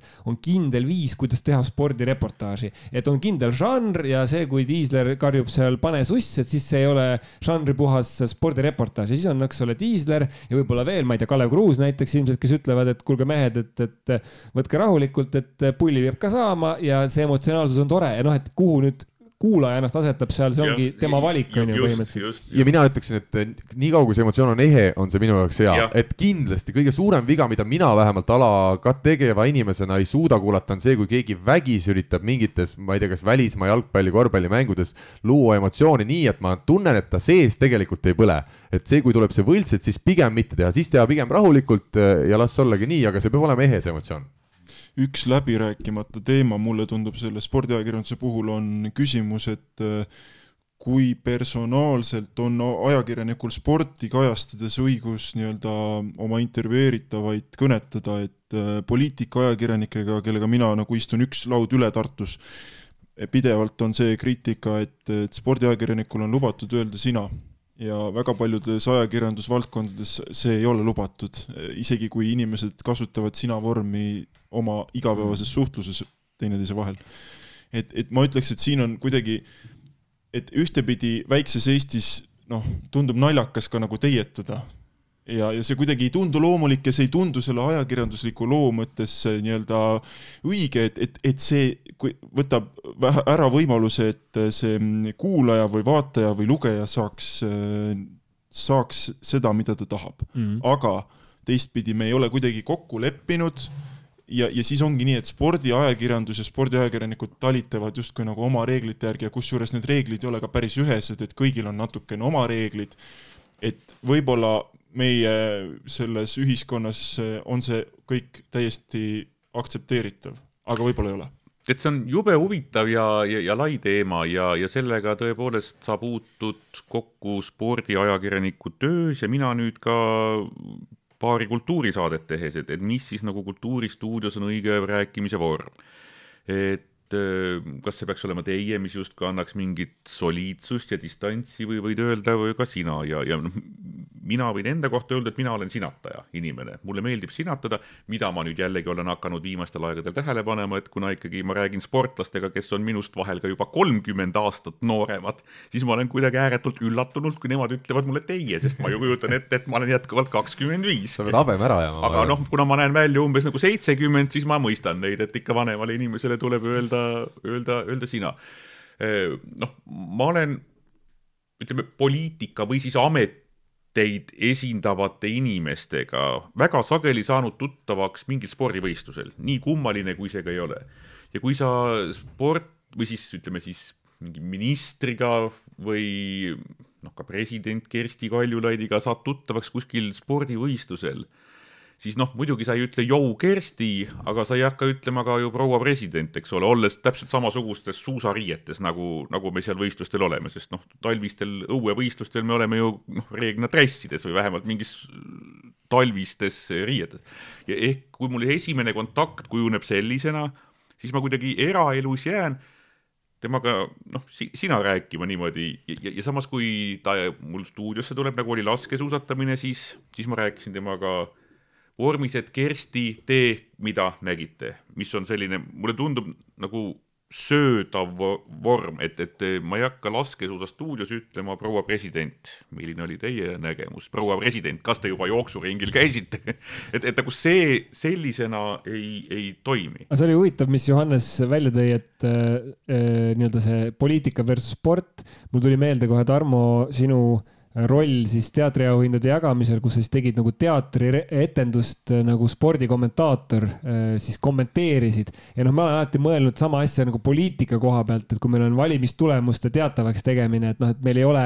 nagu äh, ajakirjanikud, kes on kirglikult äh, mõne erakonna peol ja karjuvad, et nii ja nüüd see erakond rebis ette ja nüüd juhtus see ja nüüd see sai veel kolm häält seal Tartu ja Jõgevamaal ja kas saab see erakond mandaadi, onju. et noh, samas spordis me peame seda nagu nii loomulikuks, et me kõik lähme nii sisse ja kaasa ja elame, kuigi noh, mingis mõttes võib öelda, et poliitikas otsustatakse tunduvalt rohkem, kaalul on tunduvalt enam ja võib-olla inimeste närvid on tunduvalt rohkem pingul. kui Tarmo järgmisi valimisi kommenteerib, siis mina olen kindlasti ETV lainel. see oleks küll pull, kui tulevadki no. No. Läänemaalt viimased hääled. arvestades, et Tartu maratonil tandem Mirko Ojakivi ja Tarmo Tiisler töötas nagu valatult, siis ma olen täiesti veendunud, et see töötab ka kohalikel valimistel. riigikogu valimised on meil järgmisel aastal. no vot, läheme edasi. Ja teeme kiire lõppmängu. teeme kiire lõppmängu, millest tunneb Eesti spordiajakirjandus enim puudust, on Alani viimane küsimus. ma arvan, me tegelikult vist võtsime selle teema kokku enam-vähem, läheme edasi, sest äh, Mihkel äh, tahab ühe jalaga juba astuda korteri uksest välja. Eeva küsib, tere, tere, ma mõtlesin, et ei saa juhust kasutamata jätta, kui sellised külalised saates. minu küsimused on järgmised. mis on kõige suurem apsakas, mis intervjuudes teinud olete? nii, proovime meenutada midagi no mina olen ikka, spordis ma ei ole vale nimega tituleerinud, aga minu meelest mingil laulupeo ülekandel ma küll küsisin, noh, tegin mingi intervjuusid ja küsisin siis rahva käest, et kuidas tunne on ja olete esimest korda laulupeol või et, et noh, kuidas jah, jah, et tere, ma olen Tõnis Kõrvits. noh, no noh, piinlik, tähendab noh, nagu reaalselt vajud maa alla, sul on nagu nii paha. ja see on jälle see, et mida sa tagasi enam ei võta kuidagi. ja mitte midagi ei võta tagasi, mis ongi selles mõttes veetlev, et, et see noh, ma ei saa öelda, et kõige suurem apsakas, aga noh, ma olen ajanud ekraanil inimesi sassi totaalselt. ja noh, need vist ongi. Johannes no ilmselt jah, intervjuude puhul need on, peavad olema mingisugused suhteliselt sarnased asjad, aga ma olen otseülekandeid teinud siiski tunduvalt vähem eetris kui Tarmo. ja, ja noh, ütleme, et mul nagu kohe ei meenugi midagi sellist tohutult kohutavat. ma, siis ühe apsu räägin veel, see oli minu esimene jalka mm kaks tuhat kümme ja minu meelest hakkasid mängima Hispaania ja Šveits, see oli umbes minu teine või kolmas mäng turniiril ja noh, ma, ma kuidagi olin ennast programmeerinud niimoodi, et Hispaania mängib punases. ja, ja tegelikult oli Šveits oli punases ja Hispaania oli mingisuguses tumesinises või mingisuguses noh, nagu tumedamas vormis. ja ma kuidagi hakkasin ja ma ei tea, noh, hümnide ajal olid dressid peal, eks ole, ei saanud nagu aru ja siis nad olid nagu väljakul. ja siis ma hakkasin kuidagi nagu, nagu rääkima, noh, nagu Šveitsi meeskonda Hispaaniaks Õnneks ma vist ei suutnud nimetada ühtegi nime ja siis see õud, mis mind tabas, kui ma sain aru, et noh, nagu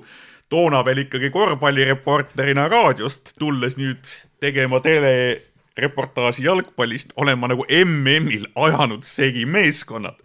et see oli ikka suhteliselt raju nagu tundmine, aga siis sain ka sellest üle. minul on analoogne olukord kergejõustikus olnud, õnneks ei olnud küll vaatajaskond äh, ligilähedaltki sama suur, Eesti meistrivõistlused vist olid ja seal olid kas mingid eeljooksud toimumas. ja mul oli sattunud või oli siis, ma ei mäleta, kas see viga oli minu oma või ühesõnaga selle, kes iganes need paberid sinna tõi, äh, igatahes ma olin võtnud äh, teise jooksu lahti, samal ajal kui algas esimene jooks ja see viga saigi tehtud, mida hiljem olen üritanud vältida, et sa ikkagi enne vaatad, mis sul on tulemas, mitte ei süübi paberitesse. ja lugesin ette kõik kaheksa suurepärast jooksjat, kes hakkavad sadat meetrit jooksma ja siis on inimesed pakkudel, siis ei saa aru ka, kuna sul ei ole nägusid näha veel pakkude peal, kui sa kaugelt vaatad sealt ja jooks läheb lahti, ma vaatan, et tule taevas appi, siin on ju hoopis teised inimesed hetkel rajal. ja aga no mis sa teed, eks ole. ja mis sa teed, mis sa teed just niimoodi? nojah, et äh, võib-olla mingi kontekst, pigem mul on olnud tehnilisi asju, et kuidas klassika ikkagi, et oleme mingeid raadioülekandeid teinud, siin seesama üks kunagine võrkpalliülekanne Martti Juhkamiga Tartus. Ja, ja siis kuidas äh, üritasin poolteist tundi sisuliselt oma, oma siis koodekit tööle saada ja see ei õnnestunudki sellepärast, et äh, see, see ei õnnestunud sellepärast, et siis äh, ülikooli spordihoone internetil oli tulemüür vahel ja, ja sellega see koodek hakkama ei saanud. ma loomulikult äh, ei saanud sellest kohe aru ja siis lõpuks äh, sai see ülekanne tehtudki äh, iPhone'iga, mille ma laenasin Ojakivilt, kes tuli ja tõi mulle selle ära. ühesõnaga, et, et nii-öelda küsimus sellest, kas jõuad äh, üldse eetrisse, eks need on olnud mm. kindlasti. ja need on ka päris kehvad, sest sa oled valmistunud ülekandeks, sa oled valmis ja, ja siis tulevad mingid tehnilised jamad, mis viivadki sind ennast natuke rivist välja. see ei ole kerge, aga sellega tuleb ka aja jooksul toime saada. no ma siis, siis räägin ühe lege loo veel. ühesõnaga on aasta üheksakümmend kaheksa oleme mina Eerik Lilloga Nagano olümpial. meil oli, oli kõik, siis olid veel mingisugused, üks oli radiolinja ja teine oli, ma ei tea, Eesti Telefon vist olid, noh. olid, olid. mingid, ma võin nimedega eksida, aga niimoodi. ja meil oli tellitud mingisugune toona suhteliselt moodne sidelahendus, saamaks siis ühendust Tallinna ja Nagano vahel ja, ja me olime nagu tellinud need kõik ära sealpoolse otsa ja need kohad ja liinid aga seal oli see nüanss, et, et eh, ma nüüd ei mäleta, kas meie olime siis radiolinja kliendid ja sellel teisel ei olnud tegelikult Jaapaniga diili selle ühenduse pärast või oli vastupidi, nimed noh hägustub. ühesõnaga, kuhu ma tahan jõuda, me tegime Erik Lilloga terve Nagano olümpia ära kahe mobiiliga, kõik suusad, kõik laskesuusad, suusahüpped ja kuna meil olid ikkagi kommentaatori kohad, siis meie ülekanded nägid välja selliselt, et eh, Lillo alustas telefoniga, tere päevast, lugupeetud spordisõbrad! Siin, tegi sissejuhatuse ära, andis mobiiltelefoni mulle ja ma siis jätkasin ja niimoodi me siis nagu, nagu vahetasime mobiiltelefoni ja tegime olümpiasuusa ja laskesuusa distantsi. ja minul isa Rene tegi kaks tuhat neli vist Ateenas, kuna teil ei olnud vist raadios mingeid õiguseid, et teha otsereportaaži sõude seal sealt, äh, kuidas iganes areenilt, ta puges mingite Eesti tegelaste keskele, võttis oma väikese mobiiltelefoni kätte ja vahendas sealt, kuidas. ei, see, äh, see oli normaalne, ma arvan, et see oli täiesti normaalne ülekannete tegemise viis mobiiltelefoniga tribüünilt. just tribüünilt, jah. aga, aga noh, et ei, aga neid tehti nagu sutsakaid, sõudmine noh, ajaliselt seitse minutit mm, -hmm. noh, võis veel kuidagi sinna ära mahtuda, aga ma räägin kahetunnistest yeah. suusaülekannetest. aga, aga ma tegin niimoodi Sydney olümpial äh, Aleksei Budõlini Eh, pronksi matši, et mind vahepeal aeti ühest kohast ära ja matši lõpp oli käes ja siis ma käisin niimoodi all tribüünidelt, mitte midagi ei näinud, aga rääkisin jube usutava häälega, et ikka siin nüüd kohe on vaja vastu pidada veel kolmkümmend sekundit. ise mõtled, et pagan, kui nüüd midagi juhtub nagu ja ma ei näe seda vot siis on nagu pekkis. siis on kehva jah ja,, see risk tuli võtta. ja võtsin, tähendab mul ei, mul, mul kästi see risk võtta, sest ma ei tohtinud seal esimeses kohas olla. ja kui apsudest rääkida, väga lühidalt, äh, Mihkel peab kohe ära minema, peame saate kokku võtma, aga apsude osas mul tuleb meelde Sigrid ja Kätlin Sepp, kunagi käisin Iisraelis ujumise EM-il ja kui on sul eriti, kui sul on mitu inimest intervjueeritavad ja siuksed lõbusad inimesed ka ja me ei saanud naeru pidama, me võtsime üks viisteist korda, üritasime seda filmida ja ei tulnudki, mul on Facebookis isegi olemas see video, seda saab äh, spordisõber vaadata, kes väga tahab. ja me lõpuks leppisime kokku, et saame tunni aja pärast uuesti hotelli fuajees kokku ja, ja proovime tõsisemate nägudega pihta hakata. ja teine asi, kus ei saanudki asja, oli odaviske pressikonverents kuskil tiitlivõistlusel, oli Mätas, oli Laanmäe, olid Kirt ja kuidagi enne selle intervjuu algust meil läks juba sealt käest ära ja me ei suutnudki selliseks jääda, kuna teised pidid juba trenni minema ja mina pidin ka edasi minema, siis jäigi see intervjuu videointervjuu siis tegemata tol hetkel. nii, ja täiesti viimane küsimus täna, milliseid vastuseid ootate sportlastelt, mõtlen just sisu poolt ja sõnastust, lugupidamisega tervitades Eeva. häid vastuseid, otsekoheseid ja toredaid. ausaid. ausaid jah, ma oleks ka öelnud ausaid nii on nagu on, noh täna oli niimoodi, no mis me sinna teha saame mm, -hmm. et keegi ei tähendab, kindlasti on üks, nagu ma enne ütlesin, ükskõik mida sportlane vastab, keegi arvab, et ta vastab valesti. nii nagu kui meie teeme ülekandeid, keegi raudselt alati arvab, et me teeme seda valesti ja me ei Just. peaks üldse seda tegema. on ka kindlasti nii. aga kui sportlane räägib ausalt ära, kui täna oli niimoodi, no, no midagi pole teha, noh, siis, siis see ongi aus ja, ja ehe. Mihkel, aus ja ehe on öelda, et tänane saade sai vähemalt siin kohapeal olles küll väga, väga mõnus. väga aus ja ehe just. ja väga tore oli, ilmselt räägiks veel järgmised kaks tundi ka, aga kuna Tarmo äh, meie saate kuulajana tavaliselt ütleb, et kuidas te nii pikalt seda saadet suudate teha. ei noh, nüüd siis... ma saan aru, et seda saadet on loomulikult võimalik, tähendab saate pikkuse tegemise suutlikkuses ma ei kahtle, ma lihtsalt kuulamise. kas praegu me, meil veel keegi kuulab, on küsimus. ma olen täiesti kuulab. kindel, et, äh, et mitu tuhat inimest on jätkuvalt millegipärast meie lainel. ja, ja no vaata, see ongi see, et me oleme Tarmoga rääkinud äh, ka korduvalt sellest, et kuidas seda saadet kuulata, et kas korraga või sa ju kuulad jupikaupa, et mina olen ka nagu Tarmo selline korraga kuulaja, et ma tahan algusest lõpuni ära kuulata nagu sihuke terviku, aga on uskumatult palju inimesi, kes kuulavad jupikaupa ja kes saavad niimoodi hakkama, nii et nende jaoks see kaks tundi näiteks nädala aja jooksul on äh, väga väike aeg või kui sa sõidad kuskilt noh, punktist A punkti B, kasvõi mõni võrkpallur läheb siin, sõidab äh, Rakverest äh, Viljandisse või vastupidi siis äh, esiliiga finaalile, et, et siis on hea, hea kuulata selle ajaga enam-vähem ära. ja, ja, ja kujutage nüüd ette, et ETV stuudios intervjuu pikkus on maks neli minutit, neli minutit on juba kõva sõna aja poolest. ja just, et me, me siin ütleme, me siin tunneme, et meil jäi veel midagi ütlemata siin laua taga nagu, et ja me oleme kaks tundi rääkinud, nii et jah. Johannes Tarmo, ääretult suur äh, rõõm ja hea meel, et te nõustusite saatesse tulema ja tänase saate ütleme sõnumi või teksti põhjal ma väga loodan, et meil tekib äh, millalgi uuesti põhjus äh, sarnases formaadis kohtuda, suur tänu teile! aitäh! suur tänu! aitäh ka sulle, Mihkel! aitäh ka sulle, Karl! kohtume kõigi kuulajatega loodetavasti juba nädala pärast. Eesti kõige põnevamad podcastid on Delfis, kuula tasku.delfi.ee